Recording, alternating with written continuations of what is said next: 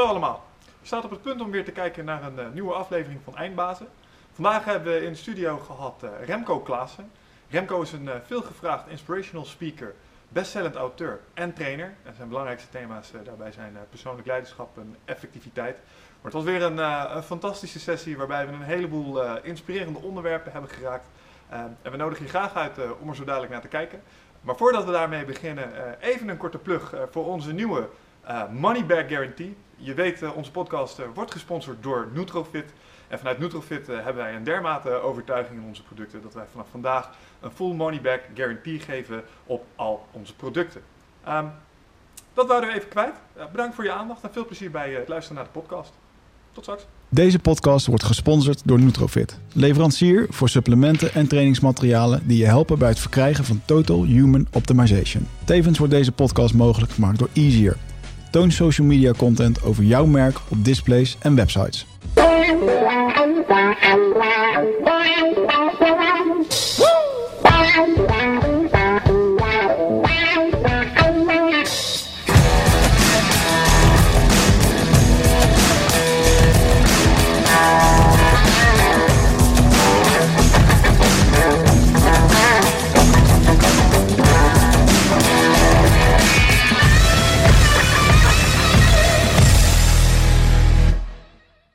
Hallo allemaal en welkom bij weer een nieuwe aflevering van Eindbazen. Vandaag wordt een uh, mooie aflevering, want ik heb uh, twee prachtige mensen in de studio zitten.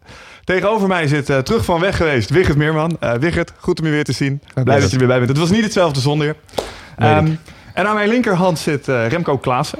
En Remco is een veelgevraagd inspirational speaker, bestsellend auteur en trainer. en de belangrijkste thema's in zijn workshops en boeken zijn leiderschap en effectiviteit. Maar ik heb begrepen dat hij met name bekend staat als een rebels spreker. Remco, ja, beetje, welkom. Een beetje afwijkend hier en daar. Dus, uh... Ja, want ik was wel erg benieuwd. Rebels, vertel. Nou, het, het is niet dat het uh, met heel veel onderzoek is ontstaan. Ik hou van lol maken. En er is gewoon content bijgekomen. Ik heb vroeger wel eens iemand gehad die zei... je moet gewoon alleen stand-up comedy gaan doen. Want je, laat ze graag lachen. En eh, alleen maar lol maken is toch niet mijn ding. Ik wil mensen toch graag een beetje op zijn flikken geven en vooruit duwen. Mm ik, heb, uh, ik had het eigenlijk veel eerder al kunnen weten. Op mijn 22e zat ik in een cursus en toen moest ik mezelf beschrijven met metaforen. Ik weet niet of je mm. wel eens zo'n programma hebt meegemaakt. Ik ben als een en noem maar op. Mm. Toen, toen was jij als een... Nou, ik, ik had er al twee. En als ik toen had opgelet, had ik het al eerder gesnapt hoe het zou zitten. Ik wilde... Ik had Labrador. Kwispeltrouw, lol maken, eh, lachen. En de tweede was Moeder Therese in een glitterpak. In een glitterpak? En die snapte ik niet. Maar ik zat toen op een salespad. Ik denk, nou, moeder Theresa, sales, dat is toch mensen helpen. Je helpt mensen van hun geld af. Hmm. En uh, glitterpak is, ja, leasebakkie, een beetje netjes, netjes verdienen. En veel later, toen ik in dit huidige beroep landde, kwam ik er pas achter hoe goed ik toen al wist hoe het zou moeten met me. Dus ik, ben moeder Theresa, ik hou van helpen en uh, mensen vooruit duwen en hmm. teams uh, tot elkaar brengen en effectiviteit. Maar wel een beetje met, met glitter. Mm. Dus lachen en ja, wat wel grappig is, want eh, dat is toch wel een. Uh, nou, het is bijna een beetje glamorous. Um, En als je dan kijkt naar waar je vandaan komt, je bent architect of ingenieur in de ICT geweest, toch? Informatieanalist, dus, dus technisch ingenieur. Ja. Ja, een complete afzwaaier gemaakt. Nou spoorde ik ook al niet met mijn, met mijn collega's. Ik, ik stak wat af in nerdville. ja. En ik had toen al wat meer dat ik... ja, ik, ik was in de animatie bij Center Parks bijvoorbeeld. Ja.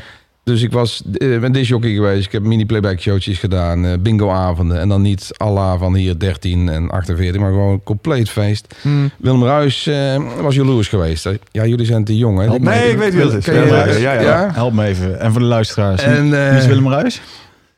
Zie je? Gastje. Ja, oké. Ik voel me oud ineens. een soort Robert en Brink, denk ik. Maar dan... ja, wat deed hij ook alweer? De prijsje Rijk of zo? Zoiets was het toch? Erg lang geleden. Ik heb ja, geen idee. Het was een VARA-programma. Ik, ik, ben opgegroeid met een kleurentelevisie, dus... ja, oké, okay, helder. Flatscreen gast. Ja. Vroeger had je van die hele dikke tv's. Ja, daar kon je op zitten, kon je seks op hebben. seks op tv had toen een heel andere dimensie. Daar gaan we het zo meteen over hebben. Dat klinkt ervaringsdeskundig, Remco.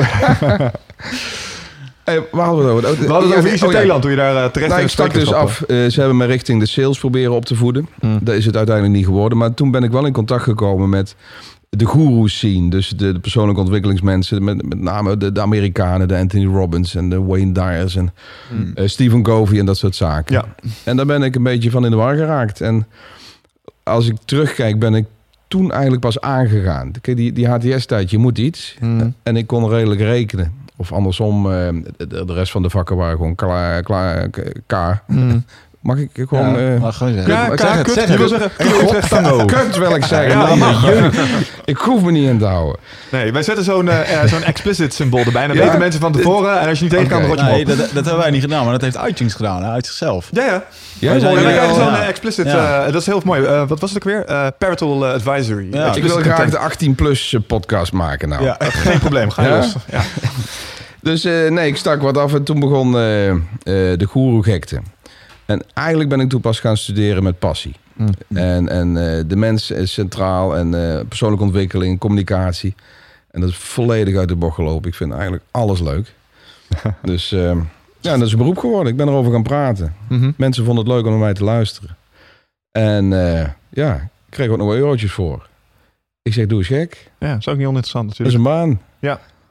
En toen uiteindelijk toen bedacht je van eh, de thema's die ik... Want waar begon je als eerst over te praten? Toen je voor het eerst voor groepjes eh, of voor eh, publiekjes stond. Waar had je het toen over? Ik denk dat de basis ligt in NLP. Dus waar, waar veel trainers voor het eerst eh, van in de war raken. Een beetje, een beetje snelle psychologie, gedrag snappen. Misschien invloed hebben op gedrag. Maar vooral je eigen gedrag, hè? Ja, precies. Dus de, eh, Wat is het voor de, voor de luisteraars die het niet weten? Kan je NLP eens Neurolinguistic. uitleggen? Neuro-linguistic programming. Klopt ja, dat dat soms een beetje een bijsmaak heeft bij mensen? Dat zal dat wat nou, bij niet mij... eh, soms. bij, bij ja, heel veel. waarom is dat?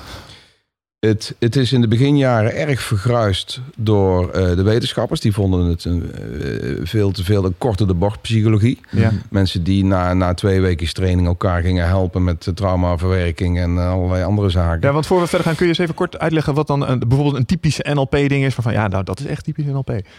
Nou, wat, wat in het begin wat ik wel mooi vond, is ehm, dat je herinneringen kon reframen. Stel een zware, je hebt iemand die verkracht is. Oh jee, ja. Eh, het kan zelfs zo zijn dat het zodanig eh, pijnlijk is geweest dat het is weggedrukt, dat ze het niet meer weten, maar wel Mhm. in het heden problemen hebben met ehm, ja, lichamelijke uiting. Dus eh, Het manifesteert zich wel. ja, je, net je seks kunnen hebben met iemand waar je wel van houdt. Hm. En wat je met NLP zou kunnen doen, is dat je teruggaat naar die herinnering, de, de lessen, de lering en eventueel de groei eruit haalt en de pijn la- achterlaat. Hm. En dan hè, een soort timeline therapie heb ik ook gedaan. En heel veel wetenschappers en eh, conventionele therapeuten vonden dat veel te kort op de bocht. En dat zou niet werken, terwijl we veel later pas zijn gaan inzien dat regressie en heel lang praten, dus psychotherapie, alleen maar herbevestiging geeft. Dan want dan zit je continu weer aandacht te besteden aan hetgeen wat het meeste pijn heeft gedaan. Ja, en als je iets van leren weet, hoe vaker je de stof herhaalt, hoe dieper het eh, zich insluit. Ja. Dus er zijn eh, allerlei stromingen. La- Laten we ervan uitgaan dat we nog steeds niet veel snappen van de mens. Maar wat, ik, wat me wel opviel is dat het werkte. Ik was een keer een katern in de intermediair destijds. Ehm, Piet Vroon volgens mij was de, de professor die het helemaal afkraakte. En er waren vijf katernen opgenomen in het interview, in het artikel... van mensen die er gewoon mee werkten. Mhm. Met kinderen, met sporters. En die hadden allemaal succes ermee en allemaal positief effect. Oké. En dat was precies weer wat mij, eh, wat ik zo interessant vind aan de mens. Wij proberen met wetenschap een hele hoop te onderbouwen en te snappen. Maar dat loopt 10, 15 jaar achter. Mhm. En in de tussentijd hebben een hele hoop mensen hebben al baat bij dingen die we nog niet bewezen hebben. Ja. Maar wel gaan als een speer. Waar je dat nu ook een beetje mee ziet, is eh, mindfulness. Mindfulness meditatie. Het wordt nu allemaal een beetje onderbouwd vanuit MRI-scanners en dat soort dingen. Ja. Dat het echt daadwerkelijk iets doet met je neurologische eh, staat. En dan Ja. ineens vinden mensen als ik het ook makkelijker om het te gaan gebruiken. Want hé, hey, er is blijkbaar een stukje science to back Ja. this up. Dan wordt het makkelijker verkopen. Maar van de andere kant werkt het al jaren. Mhm, Ja, Ik heb sinds die NLP en sinds de hypnotherapie en, en ook door Reiki, eh, bij Reiki Master. Dat is ook voor een IT'er best een eh, vreemde Ja. bocht. wat, wat, wat Eh. doe je als Reiki Master? Nou, wat ik. Ja, ik moet even uitkijken voordat ik straks weer allemaal aanmeldingen krijg. Ik, ik, ik begeleid eh, mensen door hun chemo heen en ik heb iets met brandwonden. Oké. Maar niet commercieel. Eh, Het staat op geen enkele website. Staat, ik vraag er geen geld voor.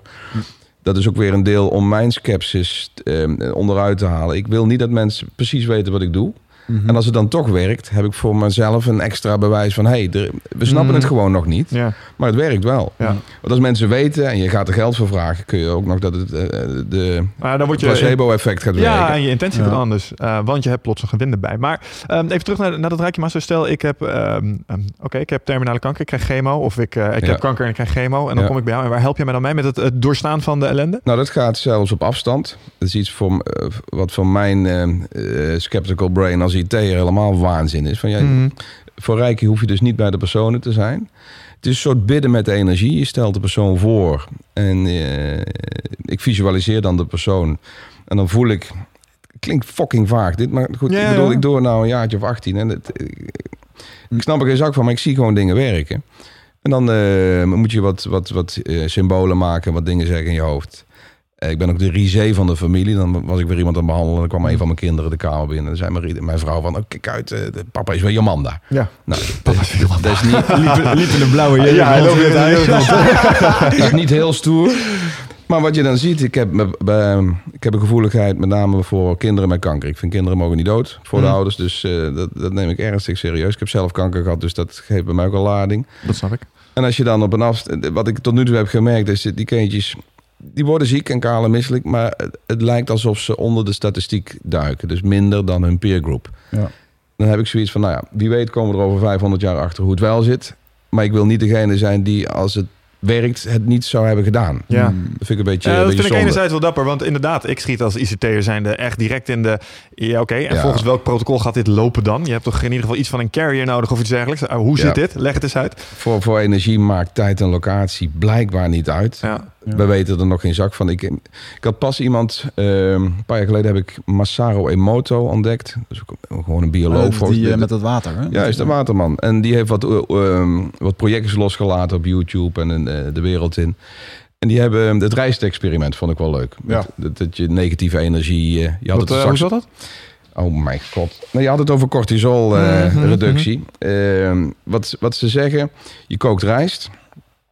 Kan wel eens de laatste podcast worden van jullie. Als je dit allemaal... eh, Ah, de no mensen- worries. Ah, Oh, nee, nee, geloof me. worries. Dit is nog steeds niet het vaagste wat we ooit besproken Dus, hebben. daar staat er gewoon een nieuwe in het Jomanda-categorie. Ik worden, mijn laatste optreden worden. Hey, we staan in de categorie zelfhulp, dus dit is Nou. eh, volkomen goed. Zoek, zoek het op YouTube op. Er zijn duizenden filmpjes van allemaal ras-sceptici die eh, allemaal in de war zijn. Je, je kookt rijst, eh giet het af, twee wekpotjes, verschillend eh stickeren. Ja. En je beschrijft ze verschillend. Rechts, eh, de ene doe je positief. eh, Mhm. I love you, zonnetje, smiley. De andere negatief, I hate you en fuck you en eh, noem maar op. En eh, de officiële le- lezing is dat je twee, drie weken die potten rijst verschillend bejegent. Ja, ja, ja. Dus de een eh, geeft je liefde, I love you, en die andere vloek je stijf. Ja.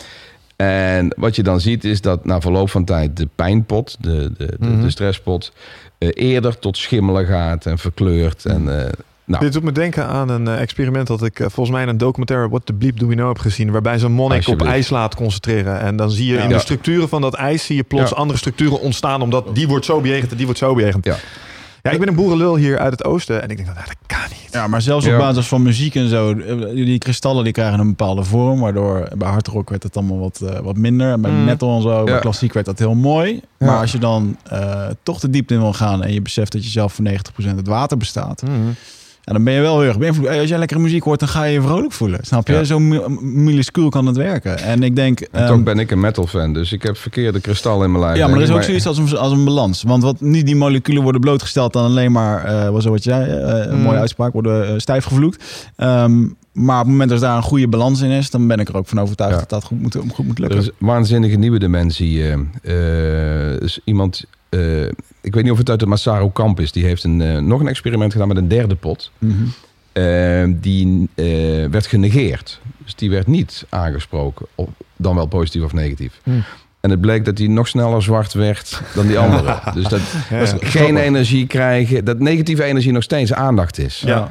Dat vond ik wel een waanzinnig Oh, concept. ik heb eh. eens een keer een boek gelezen over ehm, eh, hoe je eh, kan accelereren om met mensen om te gaan. En dat werd in beschreven dat nummer één ding wat men nodig heeft, is een stukje ja, desire voor waardigheid en voor, voor aandacht. En Ja. er komen heel veel mensen ook bijvoorbeeld in een, die man beschreef dat, die had een, een interview gedaan met een psychiatrie, hoofdpsychiatrie in een gekkenhuis, waar, waarin je dus ging kijken waarom mensen nou eigenlijk daar zitten, met wat voor klachten.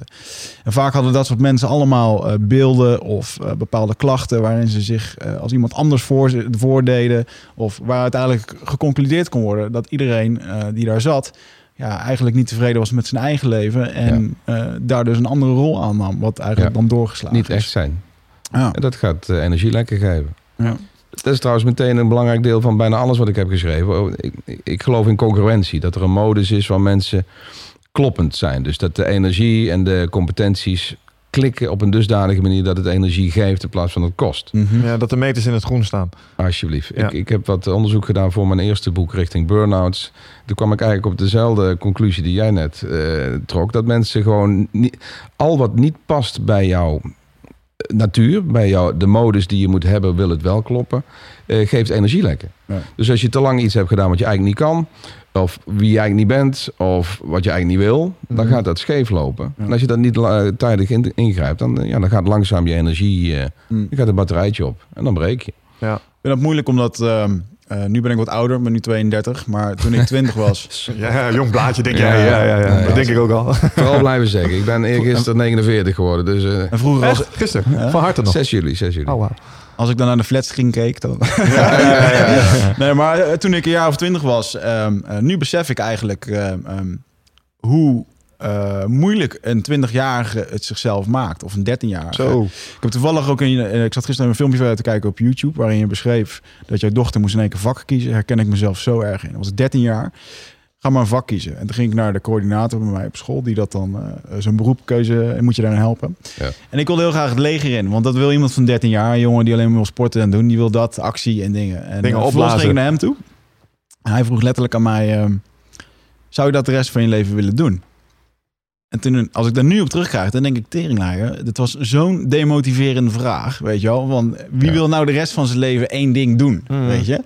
En dat hij dat op zijn school daar deed, eh, dat neem ik achteraf, weet je. Kan ik er echt wel, wel pissig over worden. Vervolgens heb ik Ja. dus gewoon uit, uit ook een beetje uit, ehm, ehm, hoe noem je zoiets? Uit een rebels gedrag heb ik een vakkenpakket gekozen waarmee ik helemaal niks kon. Alleen maar dingen die ik leuk vond, een pretpakket. En vervolgens ben ik dan uiteindelijk op het ziels terechtgekomen om te gaan sporten. Eh, maar nu ben ik dan wat ouder en dan denk ik van Jezus joh, je wordt zo erg in een hokje gegooid waar eigenlijk heel erg weinig keuzes, want de creativiteit lijkt af en toe gewoon bijna gedood te worden door Mm. eh, alles wat moet en wat. Nou ja, eh, niet bijna, compleet. Die wordt Je hebt nou zeer, zeer punten te pakken. De, de kennis die ik bij elkaar heb verzameld de laatste 22 jaar, die, die probeer ik als ouder ook toe te passen. Hoe Hmm. breng je nou je kinderen in hun kracht? En waar je steeds meer achter komt, is dat, dat het hele fucking onderwijssysteem alleen maar bezig is met er gedrag en kennis induwen. Ja. En dat het eigenlijk nergens gaat over eh, mensen zichzelf laten worden. Dat, dat vreemd genoeg kom je daar in Nederland, pas, eh, in Nederland pas aan toe op het moment dat het mis is. En Als je in een burn-out zit, dan word je voor het eerst begeleid in... oké, waar gaan we eens kijken waar die energielekken nou vandaan komen. Mm. Of je nog wel jezelf bent. Mm. Maar, en, want dan zeggen mensen uit de onderwijswereld van hoe moet het dan wel Klaasje? En daar heb ik een grote spagaat in, want wat blijkt, ik, eh, eh, ik ben een redelijke Swabiaan, Dick Swaap, vind ik erg gaaf aan Mhm. eh, Erik Scherder en dat soort mensen. Ik, ik hou ook van eh, snappen hoe het hierboven allemaal werkt. Dick Swaap, hij is toch van de kracht van het onderbewustzijn, geloof ik? Of, Eh, eh, nee, hij is nee, een neurofysioloog. Ja, oké. ja. Oké. En hij heeft eh, een jaartje of twee geleden, eh, ik ga nou zeer kort door de bocht. Ik Ja, doe absoluut onrecht aan zijn, eh, tijd, zijn kennis. Ja, je mag, eh, je mag uitgebreid uitweiden. Geen Ja, probleem. kan hoor. het. Hij heeft een, een, een gebiedje ontdekt. En hij zegt dat dat pas aanwakkert rond je 22e, 23e. In de hersenen. in de hersenen. En hij heeft dat gecorreleerd met eh, de noodzaak voelen om over de daggrens te denken. Dus hey, fuck man, ik heb eierstokken. Of mijn ouders kunnen dood. Of misschien moet ik wel sparen. En Mm. tot die tijd heb je dat eigenlijk niet. En ben je min of meer een soort ja, eh pinballmachine. En tussen hormonen en de event. Bijna deterministisch. Ja, dus- je wordt gewoon, ja. Wat, wat, wat mij dat heeft geleerd is dat je eigenlijk tot die tijd nauwelijks bij jezelf kunt komen om identiteitszoektochten te gaan doen. En daarna pas een verzoenlijke opleiding te kiezen. Dus Mm. ho- hoe ik het onderwijs zou zien vanaf de kennis die ik nu heb... is dat je eigenlijk tot je 22e heel algemeen opgevoed moet worden. Eh, graven eens een put in Darfur, was eens wat billen in een zorghuis... eh, leren een beetje taal, een beetje eh, autoriteitsgevoeligheid. Ik bepaal ook als het teringlaaier dat, dat dienstplicht weg is. Dat we niet, ja. dat we niet meer snappen hoe het zit om een beetje in gereel te lopen. Ik heb daar zoveel geleerd. En dan zou je vanaf je 22e tot je 30ste pas moeten gaan ontdekken van... oké, wie ben ik nou, wat wil ik nou? Een studie kiezen, eh, je eierstokken honoreren... want je moet ook voor je 30ste je eitjes leggen. Dat wordt na je 30ste ook steeds moeilijker. Mm. Dus, en die, die dingen krijg je nergens mee. Nee. Dus de, de, de, ik heb ook geen- niet, niet oplossing. Hoor. Ik ben dan een beetje boos op wat er is gebeurd met mijn, al mijn kinderen. Hoe dat, ik heb dat zien, zien gebeuren. Mhm. En die wordt, je wordt zo vroeg gedwongen om keuzes te maken. Ik bedoel, als ik nou terugkijk op mijn leven, die IT-tijd, de technisch ingenieur zijn, dat is per ongeluk ontstaan omdat ik door de jaren heen de vakken overhield die het minst slecht waren. Mm. Ik bedoel, er zat totaal geen richtingsbesef in. Ik wilde gewoon over. Mhm. Dus ik heb mijn AVO'tje afgerond met drie, eh, vier, vijf, eh, vi- eh, vier, vijf en een half en vijf en een zeven. Mhm. Ik heb mijn ATS-diploma eh Koem Fraude bij elkaar gejat. Koen Frauder. Alsjeblieft. En Ah. ronde 24... Mag je dat trouwens nog toegeven of kunnen ze dat niet in retrospect nog intrekken? Nee, nee, ik heb niet het idee dat er... ieder- iedereen probeert goede puntjes bij elkaar te liegen. Ja. En, ehm, en later ben ik dus pas aangegaan. Mhm. Letterlijk aan. En toen ben ik ook gaan ontdekken dat ik ehm, best oké ben hierboven. Ik heb een groot deel van mijn leven heb ik me stom gevoeld. Hmm. Mijn ouders hebben moeten lullen als brugman om mij naar de haven te krijgen. En nu snap ik ook pas dat ik... eh, ik ik ben nooit aangezet. Als je de, de schriften van vroeger bekijkt, zit het vol met droedels en turflijstjes. En nou snap ik pas waarom het is, omdat ik anders uitging. Mhm. En sinds ik in de wereld zit van eh, persoonlijke ontwikkeling en communicatie en de mens op mijn pad is gekomen, dat is zo gaaf. En daar kan ik uren over praten en over lezen en over leren. Dat spons ik op. Eén keer horen, één keer doen, één keer snappen. En eh, dat staat haaks op eh, eh, domdenken, eh, domdenken te zijn. En Mhm. niet door je, door je studie heen moet, eh, kunnen. Ja. Dus eh, ik ben dus nooit echt geprikkeld op de, de dingen die in mijn frequentie zitten. Maar denk je ook niet dat dat een klein beetje hoort bij ehm, wat je er straks zei? Joh, jammer dat dienstplicht eh, is afgeschaft. Ik kan, eh, ik kan beamen dat een stukje discipline nog wel eens mist in het leven. Ik zit zelf ook op het HBO, doe ik nog wat dingen. Daar kom ik studenten tegen en denk, jongens, gasten, alsjeblieft. Ja. Het zou heel mooi zijn geweest als jij iets van dienstplicht had gehad. Ik heb het zelf niet gehad, maar we zeiden er straks bij de kennismaking even. Ja, joh, Wicht en ik komen een beetje uit de vechtsport. Daar wordt ook een bepaalde kadaverdiscipline erin gedouwd. Dat Ja. kun je ook niet zomaar opgeven. Soms is geweld niet zinloos hoor. Ja, nou ja, mensen leren het meest door pijn schijnt. Dus, eh, Als je kijkt naar de top 500 eh, miljonairs, daar eh, is 80% ervan heeft ex-dienstplicht gehad of het heeft een vechtsport Ja. gedaan. ja.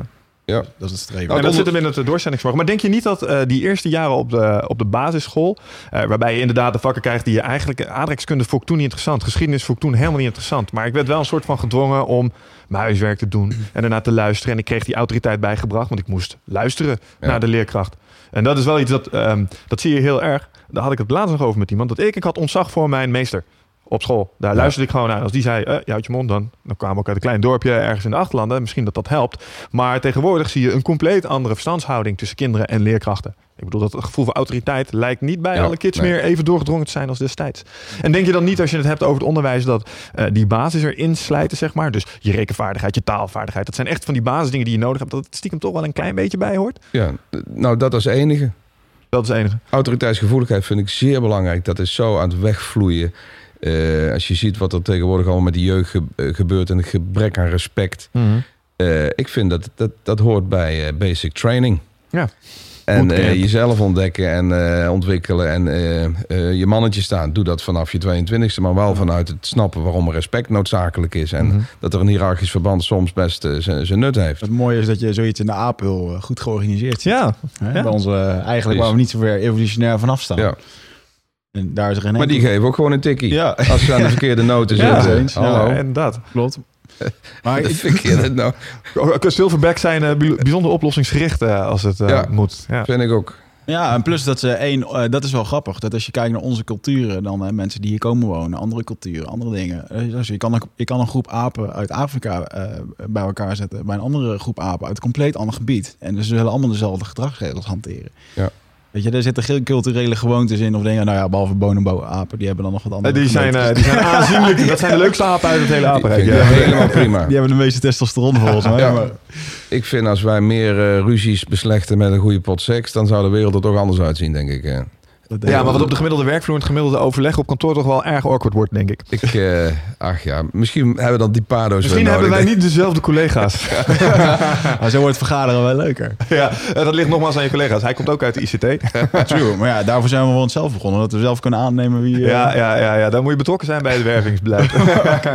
Dit gaat... Hier gaat Ja, een, ging de bocht uit. Maar Oh uit. Ik ben benieuwd hoe jouw ideale bedrijfsvoering en... eh, eh, eh, zou, zou jij zelfs... Want je, je hebt nu, um, eventjes terugkomend en op een serieus onderwerp... oh, de scholing van je dochter en hoe dat dan... Hè, hoe dat Kinderen, ik heb twee worden, dochters en een zoon. eh. hoe worden ge- geprogrammeerd. Ehm, hoe, wat is jouw visie op... eh, hoe zou jij het dan doen? Ben jij dan bijvoorbeeld een, vo- een voorstander van zo'n vrije school... waar iedereen alles nog zelf mag doen? En, eh, Nee, ik wil juist meer... de- de- de- wij wonen eh, redelijk dicht bij België. Ik heb, een aantal keren hebben wij overwogen om ze aan die andere kant te zetten. hmm. En dan gewoon in een uni- uniformpje en lekker eh, netjes... Ja, wat doen ze daar anders? Daar doen ze dat gewoon? Ja, het is daar denk ik ook aan het ver- eh, veranderen. Want je de, maar de, ik denk dat autoriteitsgevoeligheid en u zeggen en rechtop zitten en eh, dingen moeten doen, niet alles te vrij, Ja. dat het absoluut een fundament geeft voor, voor later eh, in termen van discipline, in termen van eh, snappen wat, wat je gedrag teweeg brengt bij anderen, Mhm. respect hebben voor elkaar. Ehm, ik denk dat te vrij voor sommige mensen niet goed is. Maar het tempt ook egoïsme. Vind ik voor een belangrijk deel. Eh, ik, ik, wil, ik wil, ja, hoezo jij wil, eh, gewoon terug in de rij staan. Je wacht je beurt nog Ja. af. Weet je wel, dat. Ja, nou, nou vind ik egocentrisme een hele geweldige term. Het is alleen soms doorgegroeid naar iets wat wij dus de nare variant vinden. Dat Ja. je negatieve aandacht, op, eh, aandacht blijft trekken, aandacht alleen maar op jezelf richt. Ik ben aan het proberen mensen het ego wat centraler te maken in de beginstappen. Beter snappen wie je bent, beter weten wat je wilt. Dat is alleen maar ik, ik, ik, ik. Maar daarna komt fase drie. Ik zie eigenlijk maar drie fases in persoonlijke ontwikkeling. Is dat je, hoe je met anderen omgaat. En daar heb je vreemd genoeg je ego wel voor nodig. Want dat is het enige deel in je lijf wat opkomt voor jezelf. Mm. Wat, wat maakt dat je het lef hebt om, om überhaupt iets te durven zeggen. Maar als je die basis niet hebt. Ik, een, van, een, een van de belangrijkste eh, lessen die ik in mijn lezingen doe. Is als je geen plan maakt voor je eigen leven. word je ingezet aan andermans plannen. Dus je moet echt durven opkomen voor jezelf. En dan groei je richting concurrentie. Het beste wie je kan zijn. En, en goede energie. Maar vanaf dat punt moet je wel eigenlijk alles weer eh, naar je omgeving gaan richten. Dus wel vanuit een zwaar ego-dominante basis. Van, eh, de, de dingen die ik doe nu, doe ik niet eh, voor voor het grootste deel voor anderen. Daar voel ik me fijn bij, daar krijg ik energie bij. Daar ben ik echt in. Dus daar hoef ik me ook niet voor op te laden. Maar wat ik wel heb ontdekt, is dat je vanuit echtheid daarna moet omklappen naar, naar waarde. Eh, ik heb het één keer per ongeluk eh, briljant gezegd in een interview. Was eh, met Dominique Huytema. Die is nou hoofdredactrice managementteam. Oké, ja. En die, die zei, kun jij leiderschap in één zin samenvatten? En ik vond het een vreselijke vraag, want het- het- het- ik, heb programma's van 40 uur... en dan heb ik nog moeite om het helemaal binnen Mhm. de tijd te krijgen. Maar toen moest ik iets zeggen, de camera liep. Ik zeg, nou, leiderschap is niks anders dan weten wat je wil... en dat transformeren in voordeel naar anderen. Dat bleef maar eh, cirkelen in mijn hoofd. Ik denk, dat is volgens mij de ultieme succesformule. Je moet goed weten wie je bent en wat je wil. Maar daarna ga je het omvormen naar waarde voor anderen. Dus ik kan in mijn beroep de dingen doen vol kwispelend, vol energie. Op een dusdanige manier dat anderen daardoor groeien en zich aan laven. Mhm. Dan word je teruggevraagd om te mogen doen wat je zelf wil. Ja. En dan krijg je nog centjes voor. Ik, ik, leer, ik leer mijn eh, cursisten altijd dat als je eh, een oplossing bent voor andermans problemen, heb je je hele leven werk. Ja. Als de manier hoe je die oplossingen aandraagt in lijn ligt met jouw eh, eh, congruentie, met jouw kwispelmodus, dan heb je je hele leven leuk werk. Ja, want we vermijden bij die kwispelmodus, eh, eh, want wij noemen dat dan vaak, hè, een terugkerend thema in onze eh, podcast is altijd dat mensen die het verschoppen, die eh, hebben datgene gevonden wat hun in kwispelmodus zegt. Wij noemen Juist. dat hier een stukje passie. En Nou, komt in allerlei trainingen komt dat, eh, komt dat naar voren. Ja, maar ik vind altijd, je moet in je passie gaan zitten. Zoek datgene waar je niet over uitgepraat raakt. Maar boel mensen vinden dat moeilijk. En Ja. eh, jij hebt het geluk gehad dat je eh, het hebt weten te vinden. Dat kwam Yes. pas op latere leeftijd. Wij hebben het geluk dat we het eh, nu eindelijk hebben gevonden. Maar dat heeft inderdaad ook maar dit is te leren. Ja, en hoe, adv- wat adviseer jij nou mensen die zoiets hebben, ja, dit klinkt goed. Ik wil dit doen, maar waar begin ik? Oké, dat is eigenlijk heel simpel. Dan hebben we ook meteen het gesprek rond, want er zat nog een staartje in mijn hoofd van mijn opvoeding van mijn kids. Ja. Wat ik nu aan het doen ben tegen het onderwijssysteem in is uitstellen. Dus na de middelbare school gooien we de kinderen in, in een gap year. Dus naar het buitenland, we droppen ze ergens en eh, zoek het uit.nl. Die hebben een tas met eten. Dit is een donker bos. ja, Mazzel. Het, eh, het is wel netjes georganiseerd en zo, want ik ben eh, zeer bang om alles los te laten. Ja. Maar naast zelfstandigheid en talenkennis en zelfredzaamheid... Mm. eh, stellen we gewoon die keuzes uit. Leer eerst maar eens op jezelf landen voordat je een groef slaat door middel van een opleiding. En dat je bijna al een, een cv klaar ligt voor je in het verlengde van zo'n opleiding. Mhm. Ja. Uitstellen. Nou, terug naar eh, wat ik dus eigenlijk met volwassenen doe. Is eh, eigenlijk maar een, vier, eh, een simpele viertrapsraket. Ik heb redelijk per ongeluk het hele eh, ontwikkelingssegment bewandeld. Ik, het werd goed gefinancierd door de werkgevers die ik had. Eh, de- eh, en ik had dus mijn persoonlijke interesse. Dus ik ben vol die markt ingedoken. Nou, er zijn drie hoofdpilaren. Daar hebben we het in de voorbespreking al een beetje over gehad. De, de, de, mensen ontwikkelen zich redelijk eenzijdig. Mensen pakken meestal maar één segment. Mhm. Nou, ik heb er drie ontdekt. Met eigen theorieën, met eigen modules, met eigen publiek en geen kruisbestuiving. Dat is echt gewoon vreselijk. Nou, je hebt een voelmarkt. Daar zitten de wat, eh, wat softere technieken. De, de boomknuffelaar zit, chakrale werk, het esoterische werk. Zeer gaaf, zeer interessant, maar een enorme hoge drempel voor mijn doelgroep. Ik zit toch HBO Plus, executive level, die gaan, die knuffelen geen boom uit vrij. Je wordt vaak al snel iets sceptischer. Die willen tastbaarheid. Iets, zegt hij dan. Oké, dus je hebt een volmarkt, je hebt een denkmarkt... waar wat meer de typologieën zitten, de, de 360 graden feedbacks, de assessments. En dat zijn door psychologen ontwikkelde extrapolaties van kijken naar gedrag... en dat proberen te, richting identiteitsgissen om te werken.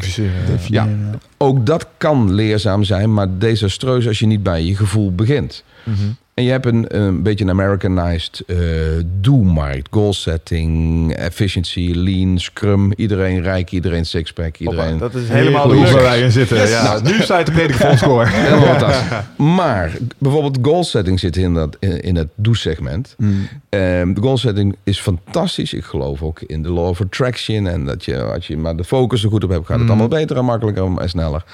Maar als je niet eerst fatsoenlijk hebt nagedacht voordat je goal... Ik had vroeger goals dat ik de beste salesman van eh, mijn regio wilde worden. Ja. Dan ga je dus harder rennen op een pad wat niet bij je past. Mm. Het enige wat dat oplevert is dat je burn-out wellicht eerder komt. Dan kun je er langer van genieten. Ja. Of zoiets. Fijn. Dus eh goal setting fantastisch, maar dan moet je fatsoenlijk hebben nagedacht. Nadenken kun je pas als je weet van binnen, intuïtief, hoe het zit. Dus wat ik ontdekte is dat de hele markt wel traint. Mensen gaan naar trainingen, maar die pakken slechts één segment. Mhm. En eh, wat ik heb gedaan eh, is, ik heb al die segmenten gedaan en ik heb daar de parels uitgehaald en een soort ja, eh, holistisch systeem gemaakt van persoonlijke groei. Beginnen met intuïtie, leren snappen hoe het zit, je batterijen, je kwispel. Dus hoe, hoe zit het op intuïtie? En als je op dat level jezelf ontdekt, dan kun je pas gaan nadenken welke koers daarbij hoort. Mhm. Bijvoorbeeld wat ik net zei, het leren omklappen van jouw energie naar voordeel naar ander. Dat is nadenken over beroepskeuzes en banen en producten. En daarna is de doenmarkt echt wel interessant als je, om het efficiënt te houden. Mhm. Dus je moet eigenlijk vanuit je hart, via je hoofd, naar je handen. Ja. Ja, maar is het niet dat je daar eh, voortschrijdend inzicht in krijgt? Kijk, als je mij tien jaar geleden had gevraagd... eh, wat zou jij graag eh, willen gaan doen... dan was ik nu waarschijnlijk professioneel World of Warcraft speler geweest. Ja. Snap je? Eh, en om erachter te komen wat ik zeker niet wilde... want ik heb ook salesfuncties gedaan. Nou, en ik heb mensen leiding gegeven. Als ik iets nooit meer wil doen, dan is het dat, zeg maar. Ja. Maar dan moest ik eerst onder, ondergaan... om erachter te komen dat dat helemaal niks voor mij Ja. is. Want het leek me zo fantastisch. Maar voortschrijdend inzicht kost tijd. Hm. Je, je kunt eer... Die, die metafooroefening met die moeder Therese glitterpak. Ja. Toen had ik eigenlijk al kunnen snappen dat er bij mij een mix zou zijn tussen performing, dus bühne, dus glitter, en helpen. Mm. En nou was ik 22 en toen had ik die klik nog niet kunnen maken. En dat is later pas gekomen.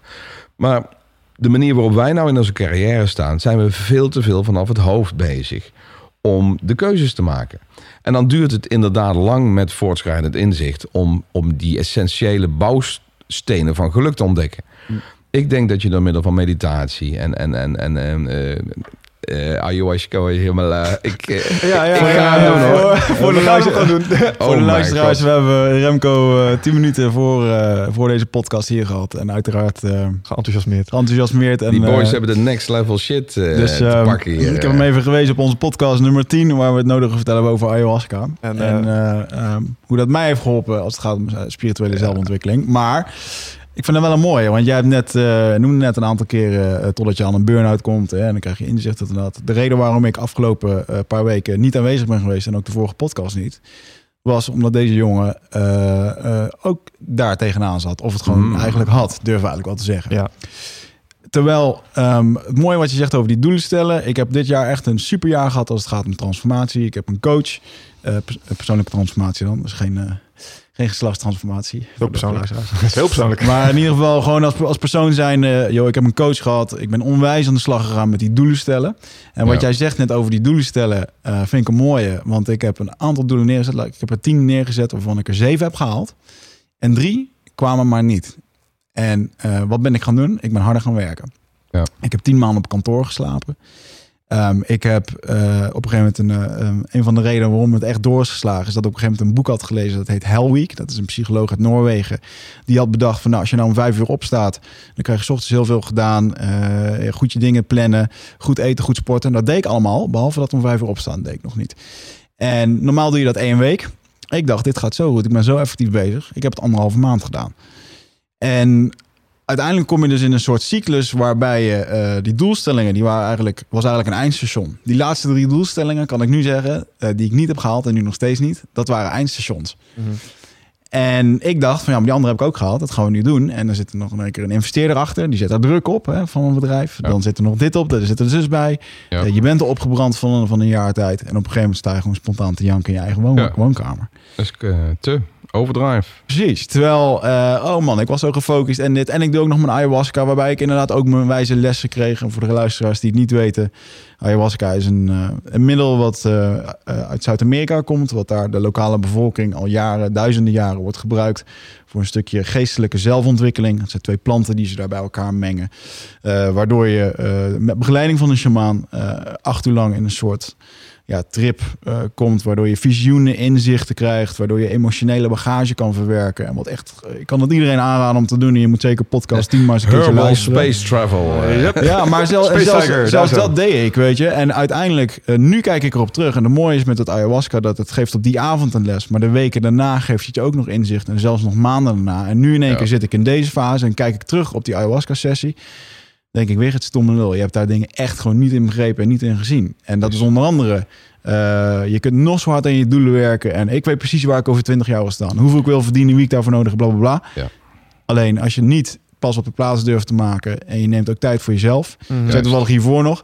eh, ik heb in de afgelopen maand meer gebarbecued, gegeten met vrienden en gelachen dan in de afgelopen vijf jaar. Kun je ook wel een beetje zien Weet je? En ehm, ja, maar het- je vergeet het gewoon en je wordt zo meegenomen in dat hele gedoe. En hetzelfde met die kinderen op school, met druk en dingen. Het is lastig om daar uit te komen, weet je. Ja, maar het is allemaal ja. zelf opgelegd. En dat is volgens mij de Die belangrijkste... race is killing hoor. Ja. Eh, maar even if you win, you're still a red. Er is nog nooit iemand geweest die op eh, zijn sterfbed heeft gezegd... oh lieve heer, was ik maar meer op kantoor geweest. Nee. Maar we doen het wel. En wat is mijn waarschuwing voor, voor mensen die... Je kunt zelfs op een congruent levenspad... dus als je goed op koers bent... kun je nog steeds een burn-out krijgen.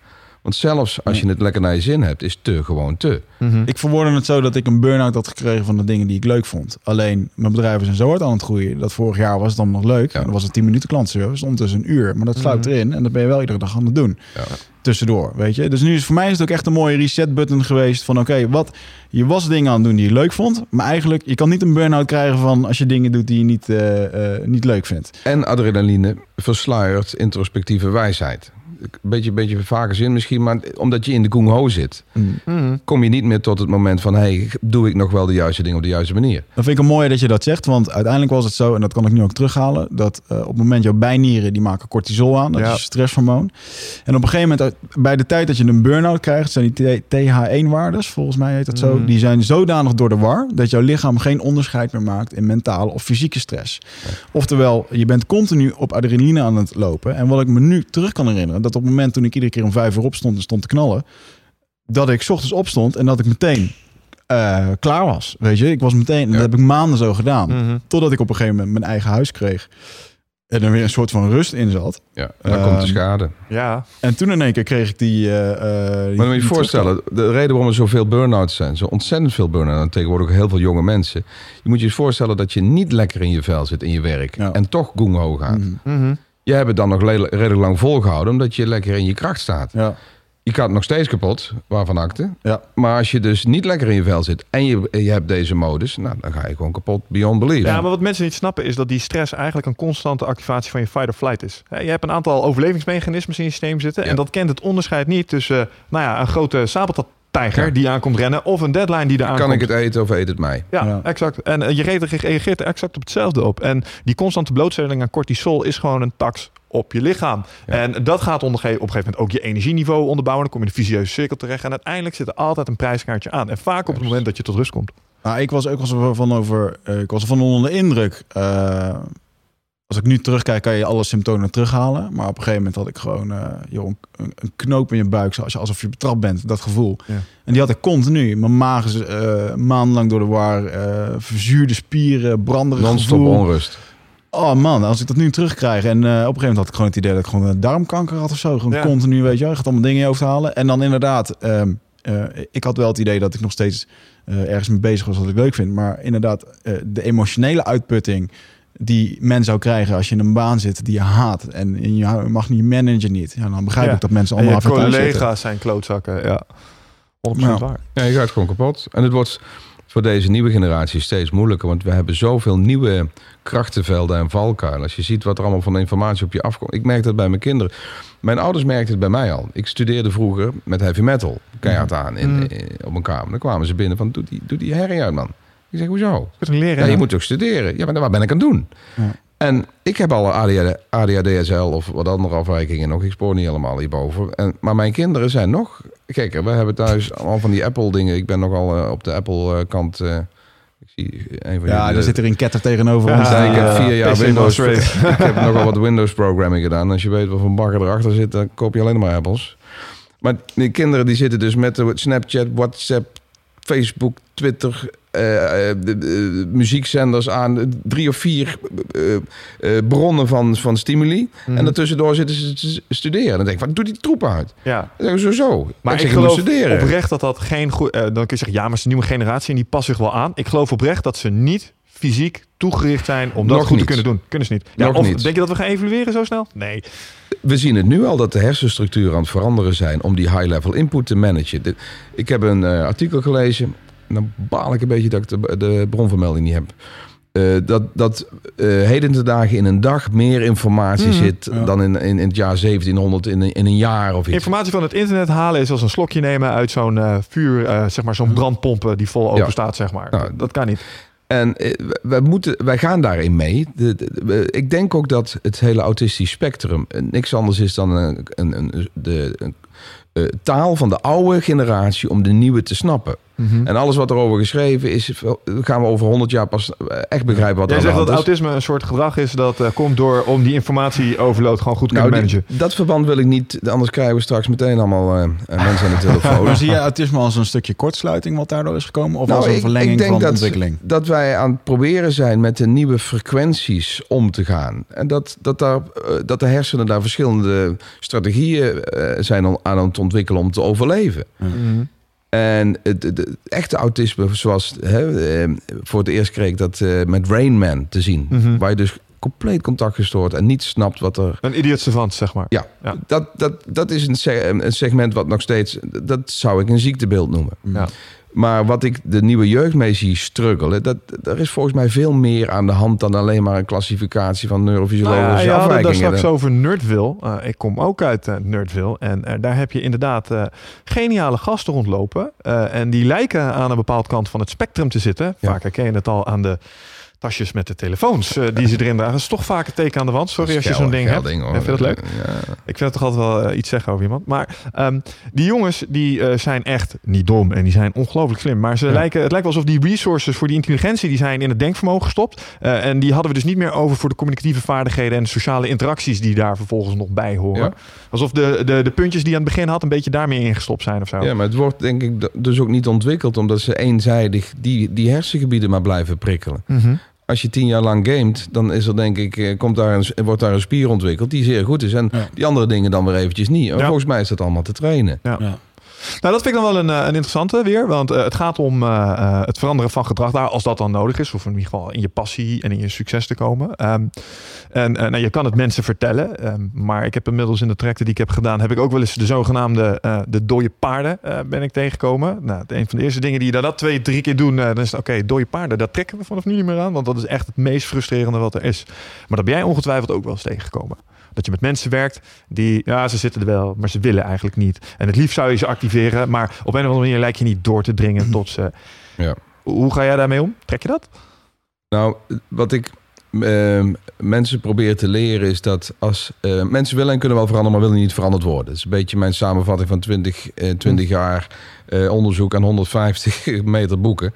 Mensen willen en kunnen wel veranderen, maar willen niet veranderd worden. Dus als de primaire drive van menselijk gedrag niet inside-out is, maar eerder outside-in, gaan mensen tegenwoordig eerder met de hak in het zand en dat ze conformiteit laten zien. Mm. Nou, lang verhaal kort, als, als men niet wil, vroeger had je nog vanuit een aut- autoriteits, vanuit een hiërarchisch verband dat je dat kon doordrukken. Ja. Er was een andere arbeidsethos, er waren, waren verplichtingen. de- de- de- het moeten was meer geïnaugureerd in het systeem. Te- te- Tegenwoordig moeten we niet meer. Ja. Ehm, maar het lullige is dus dat als je mensen niet in hun kracht ziet staan en je wil dat proberen te herstellen, lukt dat dus niet.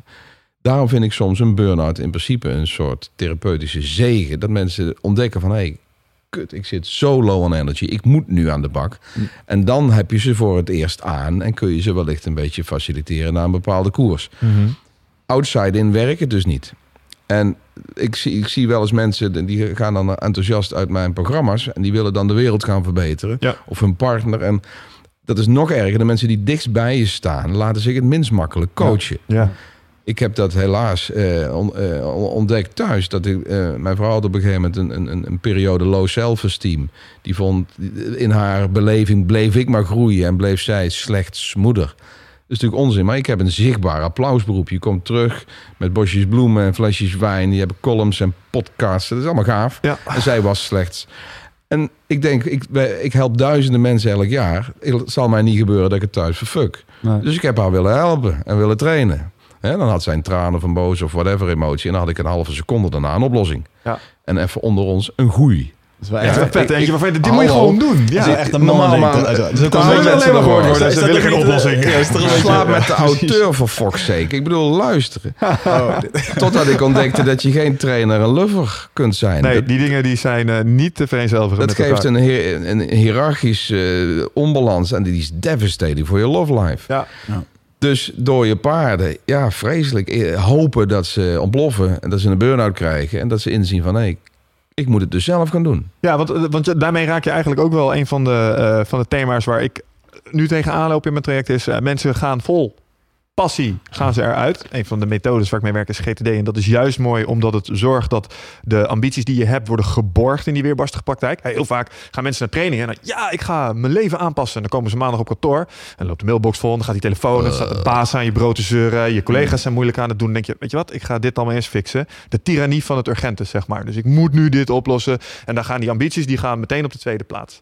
Ehm, en een van de dingen die ik eh, uit je eh, boeken, of in ieder geval van je website heb gehad, is... eh, jij hebt het ook over het verschil tussen succes en falen. Dus het daadwerkelijk uitvoeren van die ambities.